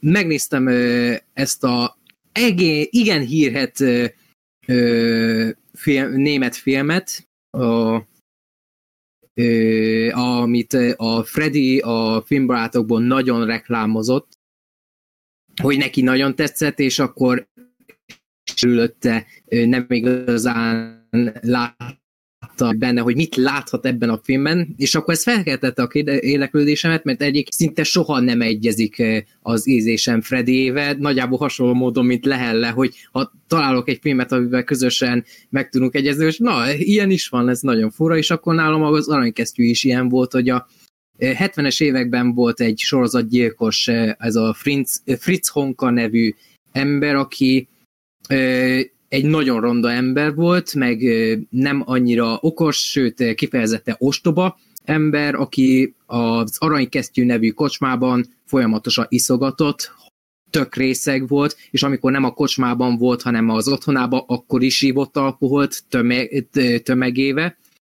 Viszont egyik nap elkezdett prostituált nőket gyilkolni, de nem is a szép fajtákat, hanem a ronda fajtákat, mert amilyen, eh, ahogy kinéz, eh, a ronda nőkön kívül senki nem akarna vele lefeküdni, nem csak hogy élvezett, de még pénzért se. És akkor eh, ennek a szenvedélyének, hát nem az, hogy élt, mert valójában a szenvedélye az alkohol volt, viszont ez megkeserítette ennek az embernek az életét, és akkor azt láthatjuk majdnem két órán keresztül, hogy iszik, és akkor hogyan bánik a nőkkel, a rendes nőkkel is hogyan bánik. Van egy olyan része a történetnek, amikor abba hagyja az ivászatot, és akkor ah, ez olyan, mint hogyha normális ember lenne, képes lenne normál emberi kapcsolatokat is létesíteni, hogyha nem térne vissza az alkoholhoz. És akkor én ezt a filmet én úgy értem meg, hogy ez egy nagyon alkohol ellenes film, ezen felül pedig egy nagyon, ö, ott, ö, hát nem azt mondom, hogy ocsmányfilm, de undorító film, ö, aminek a hangulata, nem a hangulata, az atmoszférája ennek a filmnek olyan atmoszférája van, hogy érzed a bűzt de konkrétan érzed azt a mocskot, azt a bűzt, ami ebben a filmben ö, történik. A Fritz, Fritz Honkának az apartmanja az olyan szintű mocsok tenger, hogy ö, mert a holtesteket a, az apartmanjában rejtette mert egyszer volt, hogy el akarta, ki akarta dobni a szemetesbe, viszont túl kockázatosnak találta ezt a módszert, meg is találták nagyon gyorsan a, ezt a holttestet, és akkor úgy döntött, hogy jó, akkor majd az apartmanjába elrejti a holttesteket, és akkor mindig, hogyha bárki jött oda, mindig az volt az első kérdésük, hogy mi ez a bűz, és akkor mondta, hogy az alatta lévő ha jól emlékszem, lengyel külföldi munkások, vagy svédek voltak, most így hirtelen nem tudom, külföldiek voltak alatta, és akkor ő miattuk van folyamatosan a lakásában bűz. És akkor Miért mondják ezt a filmet borzalmasnak? Mert én egyáltalán nem látom ezt a filmet borzalmasnak, sőt, Freddy Freddyhez hasonlóan valamilyen szinten zseniálisnak tartom ezt a szintű karakterfilmet, mert tényleg ez nem a történetre megy rá, hogy logikusan végigvezetett történetet. Nem, itt egy embernek az életét láthatjuk, aki úgy képes elviselni a, ezt a borzalmas életet, ami ilyen van, hogy iszik, közben pedig ezeket a szörnyű eseményeket és szörnyű cselekedeteket csinálja, megöli ezeket a nőket borzalmasabbnál borzalmasabb módokon, és minden egyes részletét láthatjuk ezeknek az akcióknak, sőt, néha nem is láthatjuk, és akkor csak a hanghatásokat láthatjuk, például embereket fejez le fi, fűrésze, és akkor nem láthatjuk őket, mert például voltak olyan állítások, hogy láthatjuk, hogy hogyan fejezi le ezeket az embereket. Ez egyáltalán nem igaz, csak az elméjük elhitette, hogy látták ezt a jelenetet, ha ott csak a csontoknak a hangját hallották. És akkor picit öncélúnak érződik a film, ez kétségtelen, de szerintem ez is volt a célja ennek a filmnek, mert ezt a történetet rendes hollywoodi körülmények között nem lehetne elmesélni, nem is kerülhetne semmilyen körülmények között a mozikba.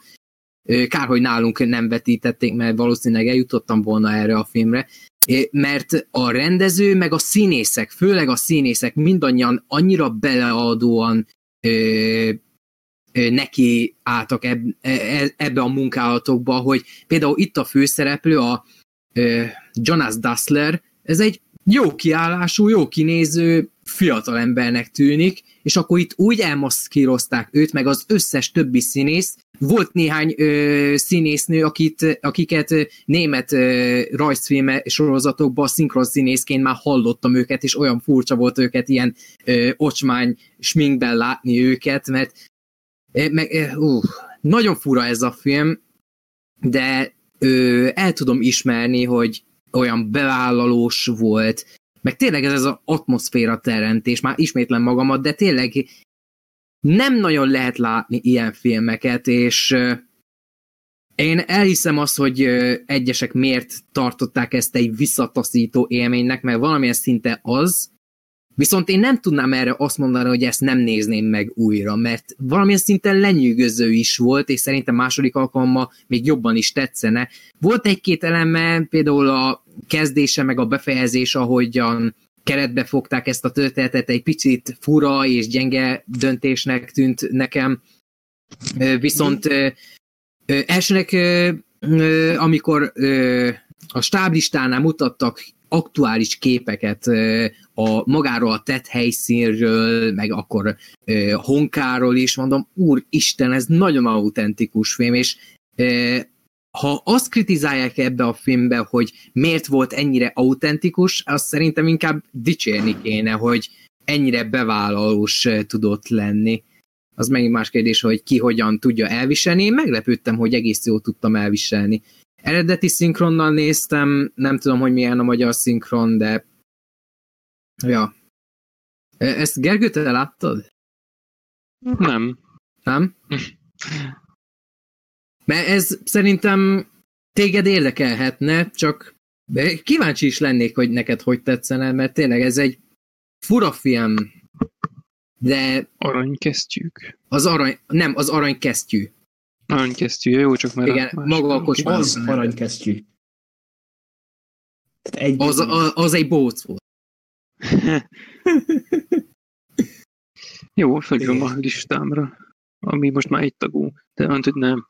De hogy a közeljövőben megtekintendő filmek listájára. Jó. Akkor mi menjünk az utolsó filmünkre, ami a Freaks. Szintén én ajánlottam. Amit a Lion nézetett meg velünk, milyen nagy örömünkre, és annyit előjárulva, hogy mivel azért valami érdemet tudjunk beszélni a filmről minimálisan, spoileresnek kell lenni, de igyekszünk úgy, de mivel nagyon a hallgatók közül valószínűleg senki nem is látta ezt a filmet, ezért nincs értelme direkt spoileresen kibeszélni, úgyhogy megpróbáljuk valahogy a kettő közé szorítani, és tényleg csak minimálisan csak annyit előni a filmből, ugye az első óráját, a második felét próbáljuk már nem. hagyni. Igen. Azt tudom a legjobban ajánlani, hogy amit a Lehelnek is mondtam, hogy ha vakon nézitek meg, az a legjobb. Igen, tehát először nézzük Az biztos mindenki, egyébként, igen. És akkor, de ha érdekelnek is ajánló, akkor hallgassátok tovább. Freaks, ugye ez egy 18-as film, a Kim Possible film rendezőitől.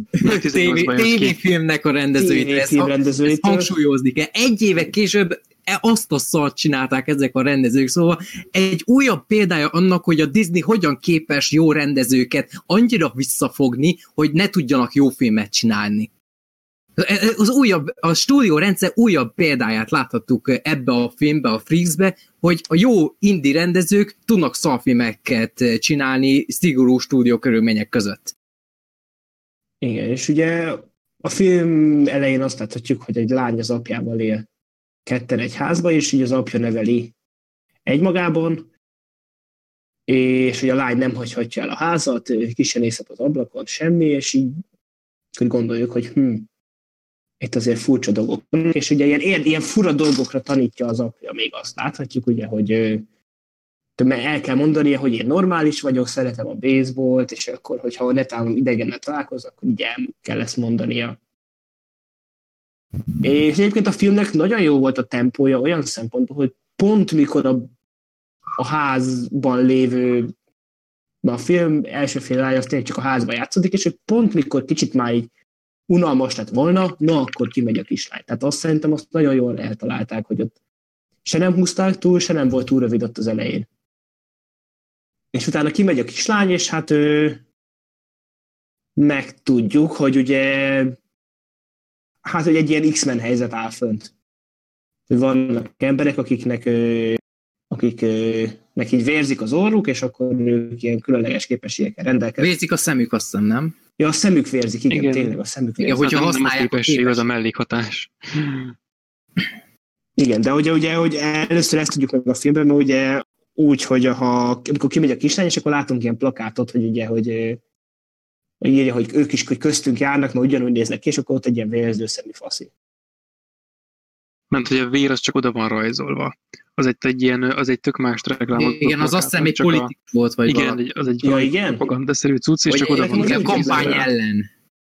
Igen. Hogy, ha jól emlékszem, valami ilyesmi volt, hogy védeni akarta, vagy vannak ilyen e, politikusok, meg helyzetek, hogy védeni próbálják az ilyen e, különleges képességekkel megáldott embereket, és akkor az átlag nép meg nem ért ezzel egyet, és akkor ő neki oda. Ez egy társadalomkritika volt, hogy igen, igen. ezzel nem értünk egyet. Aha. És akkor Azért én azt hittem, hogy az ilyen direkt ilyen plakát, hogy akkor hogy felhívja a figyelmet, hogy ha vérzőszeműt látsz, akkor, de így is, így is értem a funkcióját.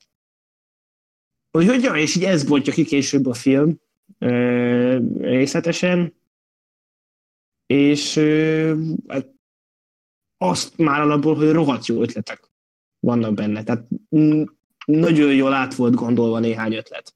É, az indie filmes büdzsé ellenére hatalmasak a, az ideájai hatalmasak, és kicsi méretekben tudták jól elmesélni ezt a történetet. Hát úgy ugye az, hogy amit kitaláltak, ugye az apuka, az apuka képességével. Tehát szerintem Például. Azt ugye, hogyha a film elején valaki megkérdezi, ezt így, tehát tehát ez is olyan volt, hogy tehát biztos nem találom ki, mert ilyen hasonló ötletet még azért így nem nagyon látom. Igen, de egyébként ez is olyan volt, hogy a, a szép adagolásnak a, a példája, mert egy kicsivel előbb, mint hogy nyilvánvaló lett volna, én azért rájöttem, de meg szerintem mindenki más is, hogy hát kicsivel, de jó, de mondják. Hát én például ilyen posztapokaliptikus világra számítottam, olyan, mint a Béna kaptál filmek kapcsán, hogy vagy a negyedik, vagy az ötödik rész volt az, hogy a, po- a posztapokaliptikus világon belül csináltak egy ideál világot hogy a klónokkal, hogy akkor, ez, hogy fura volt, hogy ezek az emberek olyan furán viselkednek a normális apa-lányahoz képest, és utána felmerül benne, hogy vagy ők a furák, vagy ezek a folyamatos kérdések, ez a jó ebben a filmben, hogy felteszed magadban ezeket a kérdéseket, és akkor szépen fokozatosan kapsz válaszokat, amik nem orbitális nagy fasságok, mint például egy Book of Henry vagy Serenity-ben voltak például. Amiket nem, a... gondolva, nagyon jó. Igen. Meg, de még így utalgatnak is rá, hogy ilyeneket tesznek, hogy na ez az, amit egy húg mondana, meg hogy na ezt a részt honnan szedted meg. Meg azt hittem, hogy most a kiskutyás rész, meg az ilyesmi, tehát hogy ezek Egy a... újranézés sokat segít ennek a... Nagyon sokat. Már előre lehet segíteni. Tehát nem az, hogy olyan Nem a semmiből jöttek ezek a... az ötletek. Igen, meg hogy funkciójuk van, nem olyan, mint a mit tudom én miben, tehát ahol nincs funkció, hanem funkciója van. Mondjuk a vége felé van egy-két dolog, ami nem tetszett benne, mondjuk a, például a befejezés, az általában nem szokott nekem tetszeni, de ja. Az nekem nagyon tetszett, az egy olyan horrorfilmes dolog volt. Hmm. És az meg, szerintem így ö, ilyesmi akart lenni, egy nagyon-nagyon-nagyon-nagyon-nagyon pici spoiler, de én nem láttam azt a filmet, de szerintem valami ilyesmi akart lenni a Brightburn is. Értitek a hasonlatot nagyjából? Én értem, de hogy én, én nekem, hát... nekem annyira nekem se volt az ényemre, de más viszont örülök, hogy meglépték a végét. Ha.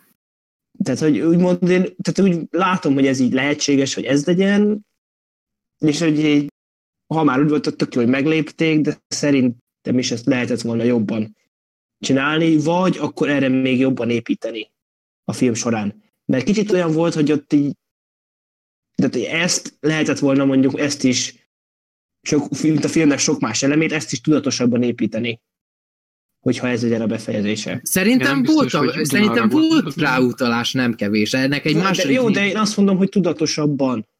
Hogy, hogy ez szerintem akkor jobban működött volna, hogyha ezt tudatosabban építik. Volt rá a filmben utalás, azt nem tagadom, de szerintem, hogyha jobban alá támasszák, akkor nekem jobban működött volna.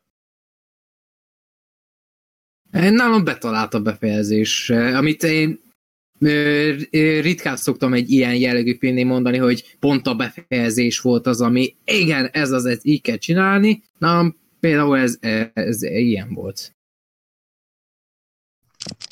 Meg ezek tényleg a ezek a félrevezető vezető dolgok, például Bruce Dern-t én már rég láttam filmbe alapjáraton, pedig ő is az a úgymond karakterszínész, aki folyamatosan felbukkan ezekben a ö, kisebb szerepekben, ö, akár nagyobb, akár, akár kisebb filmben őről van szó, és akkor olyan jó látni, hogy á, itt van ez a csávó, de rég láttam. Én aljas nyolcasban láttam utoljára.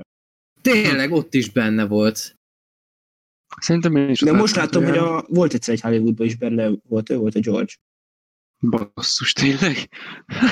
Mondom, foly- folyamatosan felbukkan az ilyen filmekben, úgy tűnik talán... Most nézem, é- évi tíz filmben szerepel kb. úgyhogy... Ah, látom, azt a kurva. Nagy részük tuti szar. 2017-ben 1, 2, 3, 4, 5, 6, azt 7, 8... 2017-ben 8 filmben volt. És e, amúgy ez egy nagyobb, is, nagyobb szerep is volt számára. Szóval egy kicsit meglepett. Elsőnek azt hittem, hogy megint egy ilyen pis, kisebb mellékszerep, és ahhoz képest jóval többet szerepelt benne.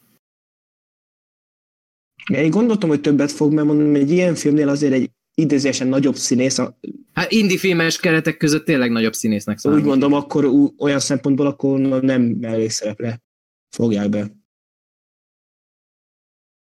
És a legviccesebb az, hogy én már nem emlékszem, hogy hogy találtam rá erre a filmre, mert én mondtam lehet neked, hogy ezt muszáj megnézned, mert ez neked nagyon tetszene az indie filmes mi volt miatt, nagy ötletekkel rendelkezik, meg egyebek, és a, mégis a kis költségvetés ellenére nagyot tud mondani, és jól meg is tudja valósítani ezeket a dolgokat. Például van egy szuper, egy acélemberes, szupermenes jelenet is, ami olyan váratlanul ért, de mégis olyan kellemes meglepetésként, az nekem nagyon tetszett például. Hát meg úgy az effektek összegésében tehát ez rohadt jól használt. Olyan, mint az Endless-ben például.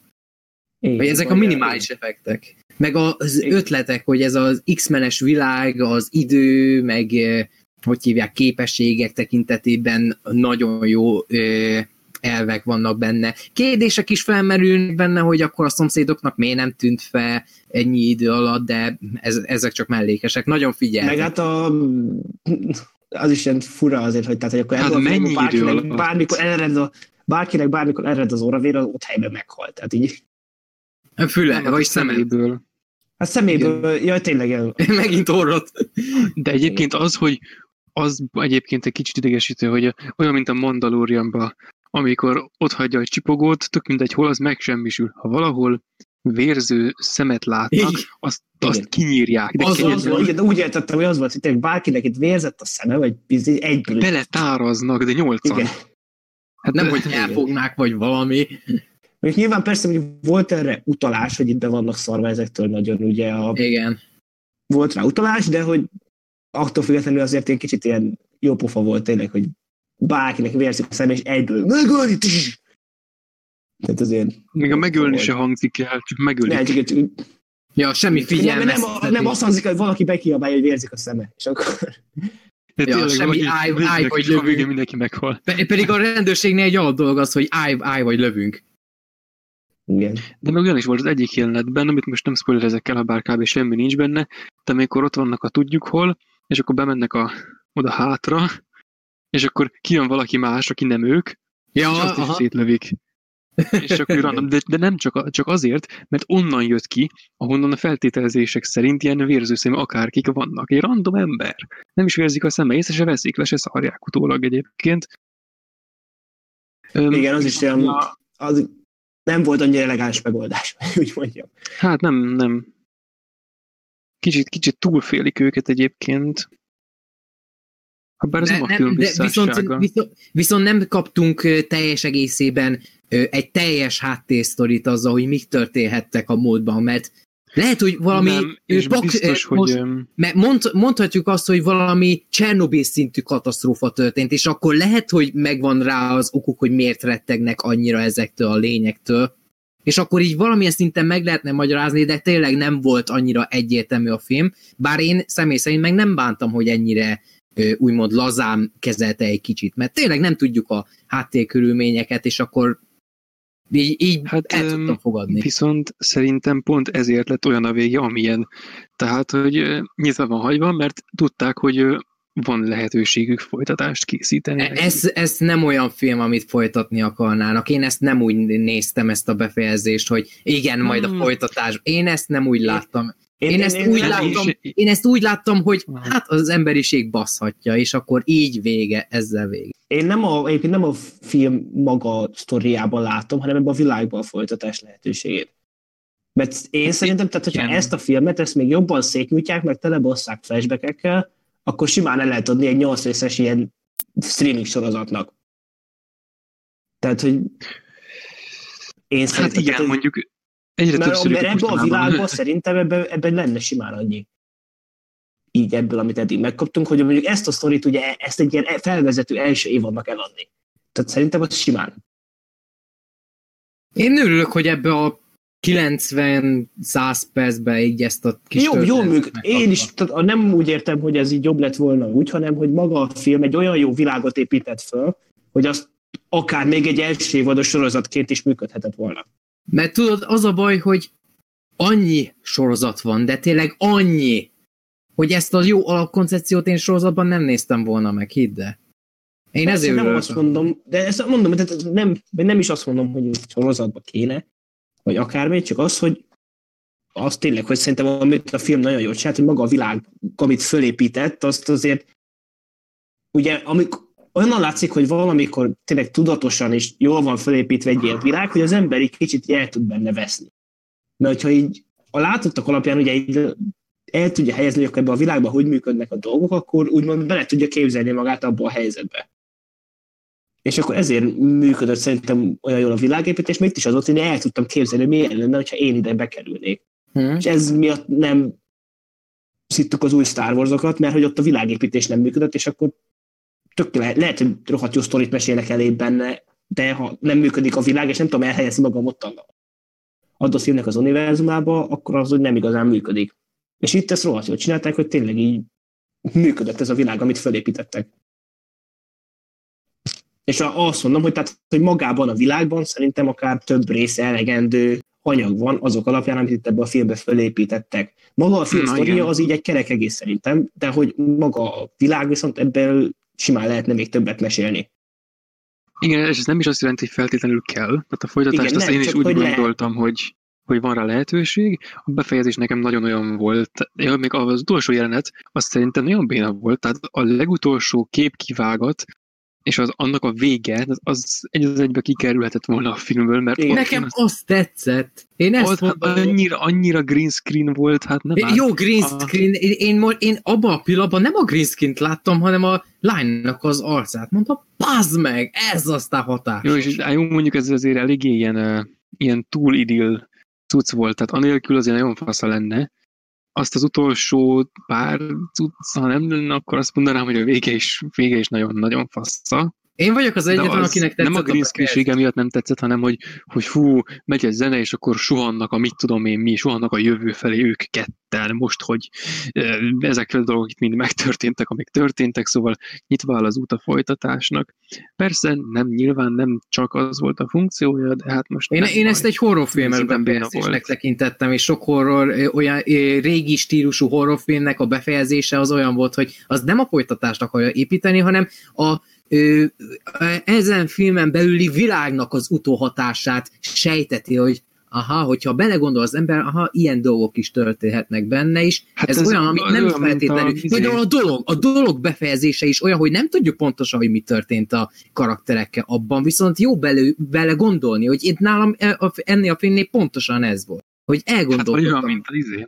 Az x az első évadában szinte, vagy a korai évadok szinte minden részének a vége, amikor elkapják a gonosztevőt, és mondjuk van egy ilyen nagyon jellemző, amikor az egyik így ilyen lyukakon tud befolyni, vagy valami ilyesmi, és akkor a résznek a vége az, hogy elkapják, és akkor az a csávó ott ül a pricsen, és így nézi a részt az ajtón. Hogy ez, ez tök jó, hogy elkapták, be, ez meg de két perc múlva már kint van. És hogy akkor így mm, ez a, mm, persze ez itt ebben elég kezdetleges még, meg, meg ez az ilyen borzongatós dolog nem annyira ment még a, az, a korai évadokban nekik, de hogy ez például ennek az eszköze az lehetett volna, de szerintem például ebben a filmben nagyon nem illett. Hát ez inkább egy, egy fantasy skifi cucc, mint egy, Igen. mint egy horror. Most, hogy ők ketten Ez egy műfaj mix egész... volt ez a film. Ez a film teljes egészében egy műfaj mix volt. Hát, mm, igen, jó, de szerintem a végét, tehát, igen, tehát hogy én szerintem is jobban beleillhetett volna a befejezése, hogyha ezt jobban építik ezt a szálat.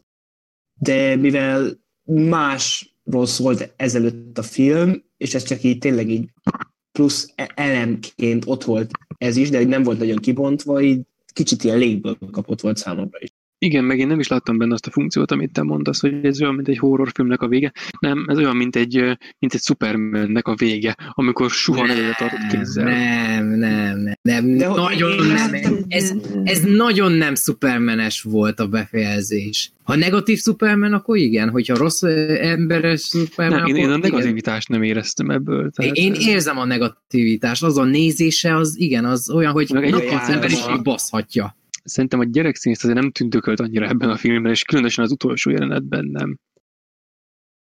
Többnyire jó Igen. volt ott a Szerintem végén. is jó volt. Közben úgy elmegyegetett, persze azért nem, mm, de a legvégén az nem, nem tetszett. Mikor sokat mutatták, hogy milyen fejet vág, voltak, volt néhány... Néha, néha azt éreztem, ugyanazt a fejet vágta folyamatosan, ez igaz, hát de, általában. de szerintem az, az utolsó kép számomra az volt az, ami nagyon betalált. Legyen az a, a majd a podcastnek a képe, na? Morcos kislány. Igen, morzos kislány. Figyelj, be is, szóval- be is rakom Twitter képre, hallod. De nem pár- majd itt a borítóképeken a Gergőnek az a fej lesz bevágva, őt reprezentálva. Ajaj. Majd most berakom Twitterre majd a kislánynak a képét. Na jó. Ugye a Flisset is nézzétek meg, ajánljuk mindenkinek. Ja, ö, bocsánat, csak még egy izét, hogy igazából öm, ezen az ember általában meglepődik, amikor ilyesmi van, de hogy a, a azok a filmek, amik a teljes koncepciót megfordítják a film közepén, hát na oda tartozik ez is. Mert az első fele az nekem tök olyan, mint a szoba. A 2015-ös, azt hiszem. Uh-huh. Amikor amikor be vagyunk zárva, egy kamaradráma. A filmfele egy, egy kamaradráma. Egy kamara, na. És, sőt, egy kamra. Na jó. És aztán, aztán meg a második felébe kimegyünk, és akkor lesz egy ilyen, lesz belőle egy, egy skifi.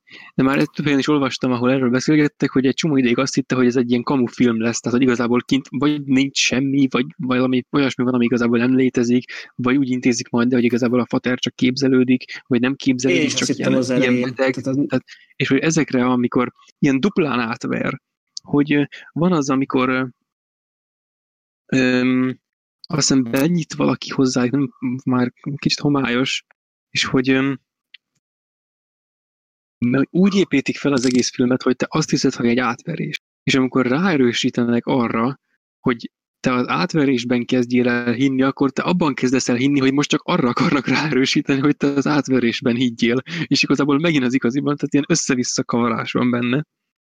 És eh, tök elején jó, mert amúgy azt tudom felhozni, hogy azért volt olyan, úgymond, ki, olyan a eleje, hogy a kül, külvilág az olyan, tudod, ilyen kicsit ilyen földön túlinak, meg ilyen volt ábrázolva, mert hogy a kislány szemszögéből akarták talán bemutatni. igen, ezért és ott is a, hogy a először- szobában is pont ez volt a lényeg. Hogy Igen. igen, tehát ennek a típusú, biztos onnan vették át, vagy mikor ez a film, lehet, hogy korábban is Mm. készült. 2018-as. Ja, nem, akkor a szoba után készült. Mindegy. Ja, egyébként az is az ember jutott még csak a, a, a, a folytatások kapcsán, meg hogy mennyi lehetőség van benne. Tehát, hogy van ez a hegy nevű dolog, ami ilyen nagy, egyszerre gonosz, egyszerre jó, izé, mm, nevű dolog, hogy ez erre nem igazán volt kifejtés. Tehát lehet, mint a Meg, hajós meg az ilyen dolgokat, hogy egy, és oda el kell jutni, ilyet mindig a sorozatokban szoktak lenni. Tehát És érdekes meg... meg... is ez volt három évadon keresztül, meg mit tudom én, hány Hmm. évadban. Ez is azt mutatja, hogy még ez is azt mutatja, hogy filmben is jól működhet az ilyen koncepció. Hát igen, csak hogy ez a eszköz, ezt, ezt is, hogy ezt a, hogy van a hegy, a völgy, a falu, a terminál, és el kell jutnunk oda, akkor ez egy sorozatosban szokták általában használni. Hát egyébként ez van az izékben is, a, a háborús filmekben, tehát ott a 1917 a közlekény megmentése, mindegyik el kell jutni valahova. Egy Hát igen, csak ugye a, az olyan összes, tényleg az összes ilyen posztapokaliptikus, vagy ilyen disztópikus sorozatban, amit én láttam, abban az volt, hogy volt a hegy, a terminál, a barlang, és akkor oda egy ilyen idilli világkép volt, és eljutottál, és akkor az volt a cliffhanger a végén, hogy kiderült, hogy tényleg olyan volt-e, vagy se. És itt, tehát erre is, simán ugye föl tudták volna húzni, csak itt a filmben ugye itt ellőtték, hogy ez olyan idilli-e, vagy se. Hát igen. Most nézem a rendező párosnak a korábbi alkotásait, és akkor nagyon fura, hogy leginkább tévéfilmeket, rövidfilmeket, sorozatepizódokat csináltak, és akkor ez volt az első úgymond komolyabb munkájuk, és utána megint vissza a mély tengerbe a kis Lehet tínős. csak a pénzért csinálták, hogy utána megint valami normálisat Hát csinálhat. remélem, hogy úgy lesz, mert ez tényleg a korábbi filmjeikhez képest, mert például ez a Zach Lipovsky, ez ilyen filmeket csinált, mint a Leprechaun Origins, a Leprechaun szériá is olyan, amiről ódákat lehetne zengeni a trash műfajon belül, és akkor 2014-ben csinált ez a csávó egy ilyen Origins filmek, ami el tudjuk képzelni, hogy milyen lehet. Szóval minden szarfilm mögött azért egy jó rendező is megbújhat. Ez nagyon Hogy- igaz. ez nagyon hogyha- igaz. hogyha és aki mondjuk filmben nem tudja kifejezni magát, az még az könnyen hogy sorozatban pedig igen, hopp, Csernobil, és ilyen boom. Te, teljes Igen. mértékben, igen. Igen, a, ö, aki a Chernobyl csinálta, annak is a ö, úgymond meg, ö, lát, ö, megítélése mennyit változott a sorozat után, hogy mindenki, ah, igen, ő csinálta azokat a pocsék horror alkatba filmeket, vagyis írta, ha jól emlékszem őket. És akkor előáll egy ilyenne, mo, bazd. Hát vagy például Ryan Johnson csinál olyan Star Wars, és a Breaking Bad hogy milyen tök jó dolgokat csinál. Igen. Ne csináld le, ne csináld. ez, ez, szerintem jó, ez pont volt az íre. Ö, azt mondom, De még egy, csak a filmhez hozzáfűzésként, hogy nagyon érdemes a hátteret is nézni. Igen, Mert egy csomószor van, hogy a, a kislány itt van, a kislány ott van, és néha ilyen rajzok vannak mögötte, néha olyan rajzok. És egy csomó rajz ilyen nagyon durva, ilyen horror rajz, a többi meg ilyen idillét cucc. És néha beül ehhez az ágyhoz. Meg egy-két ahhoz az ágy is. úgy van. Igen, somót lehet következtetni, meg persze nem, nem leplezi le a filmet, ha az ember nagyon akarja, akkor rá tud lelni persze, de ez inkább második nézésnél lesz már nagyon érdekes, amikor az ember figyel a háttérre, meg úgy nézi, hogy na, igen, igen. oké. Okay. ennyi. Ha. Na örülök, hogy én is tudtam Lehelnek egy jó filmet ajánlani. igen. Jó filmeket bármikor, azt tudjátok, jó filmet én bármikor szívesen nézek. Úgyhogy Jó, küldöm a listát. Ja. Szóval nézd meg a Marvel kapitányt legközelebb. Én azt az, ajánlom. az a, a következőre azt fogja Jaj, nézni. jaj. Szovjet szinkronnal. Szovjet szinkronnal, azt hogy miközben nincsen már Szovjetunió. hát, én majd keresek egy olyan faszit, aki szerint még van is vele. Hát az attól még orosz szinkron lesz. Azért. Jó, és akkor uh, filmnéző podcast volt. 31. alkalommal, és akkor következő adásban Gergő lesz a vendég, de most ezúttal a másik Gergő, és még azelőtt vagy azután ö, lesz a vikinges adás is, ahol a hatodik A évadot kibeszéljük a Dante-val. És menjetek a Twitterre, mert én megváltoztattam a profilképemet. És menjetek, és kövessetek minket amúgy is Twitteren. Ja. Ö, itt volt a szokásos csapatból Tom Lyon, akinek új Twitter profilképe, Sziasztok! és itt volt velünk Gergő is. Hali. Sziasztok!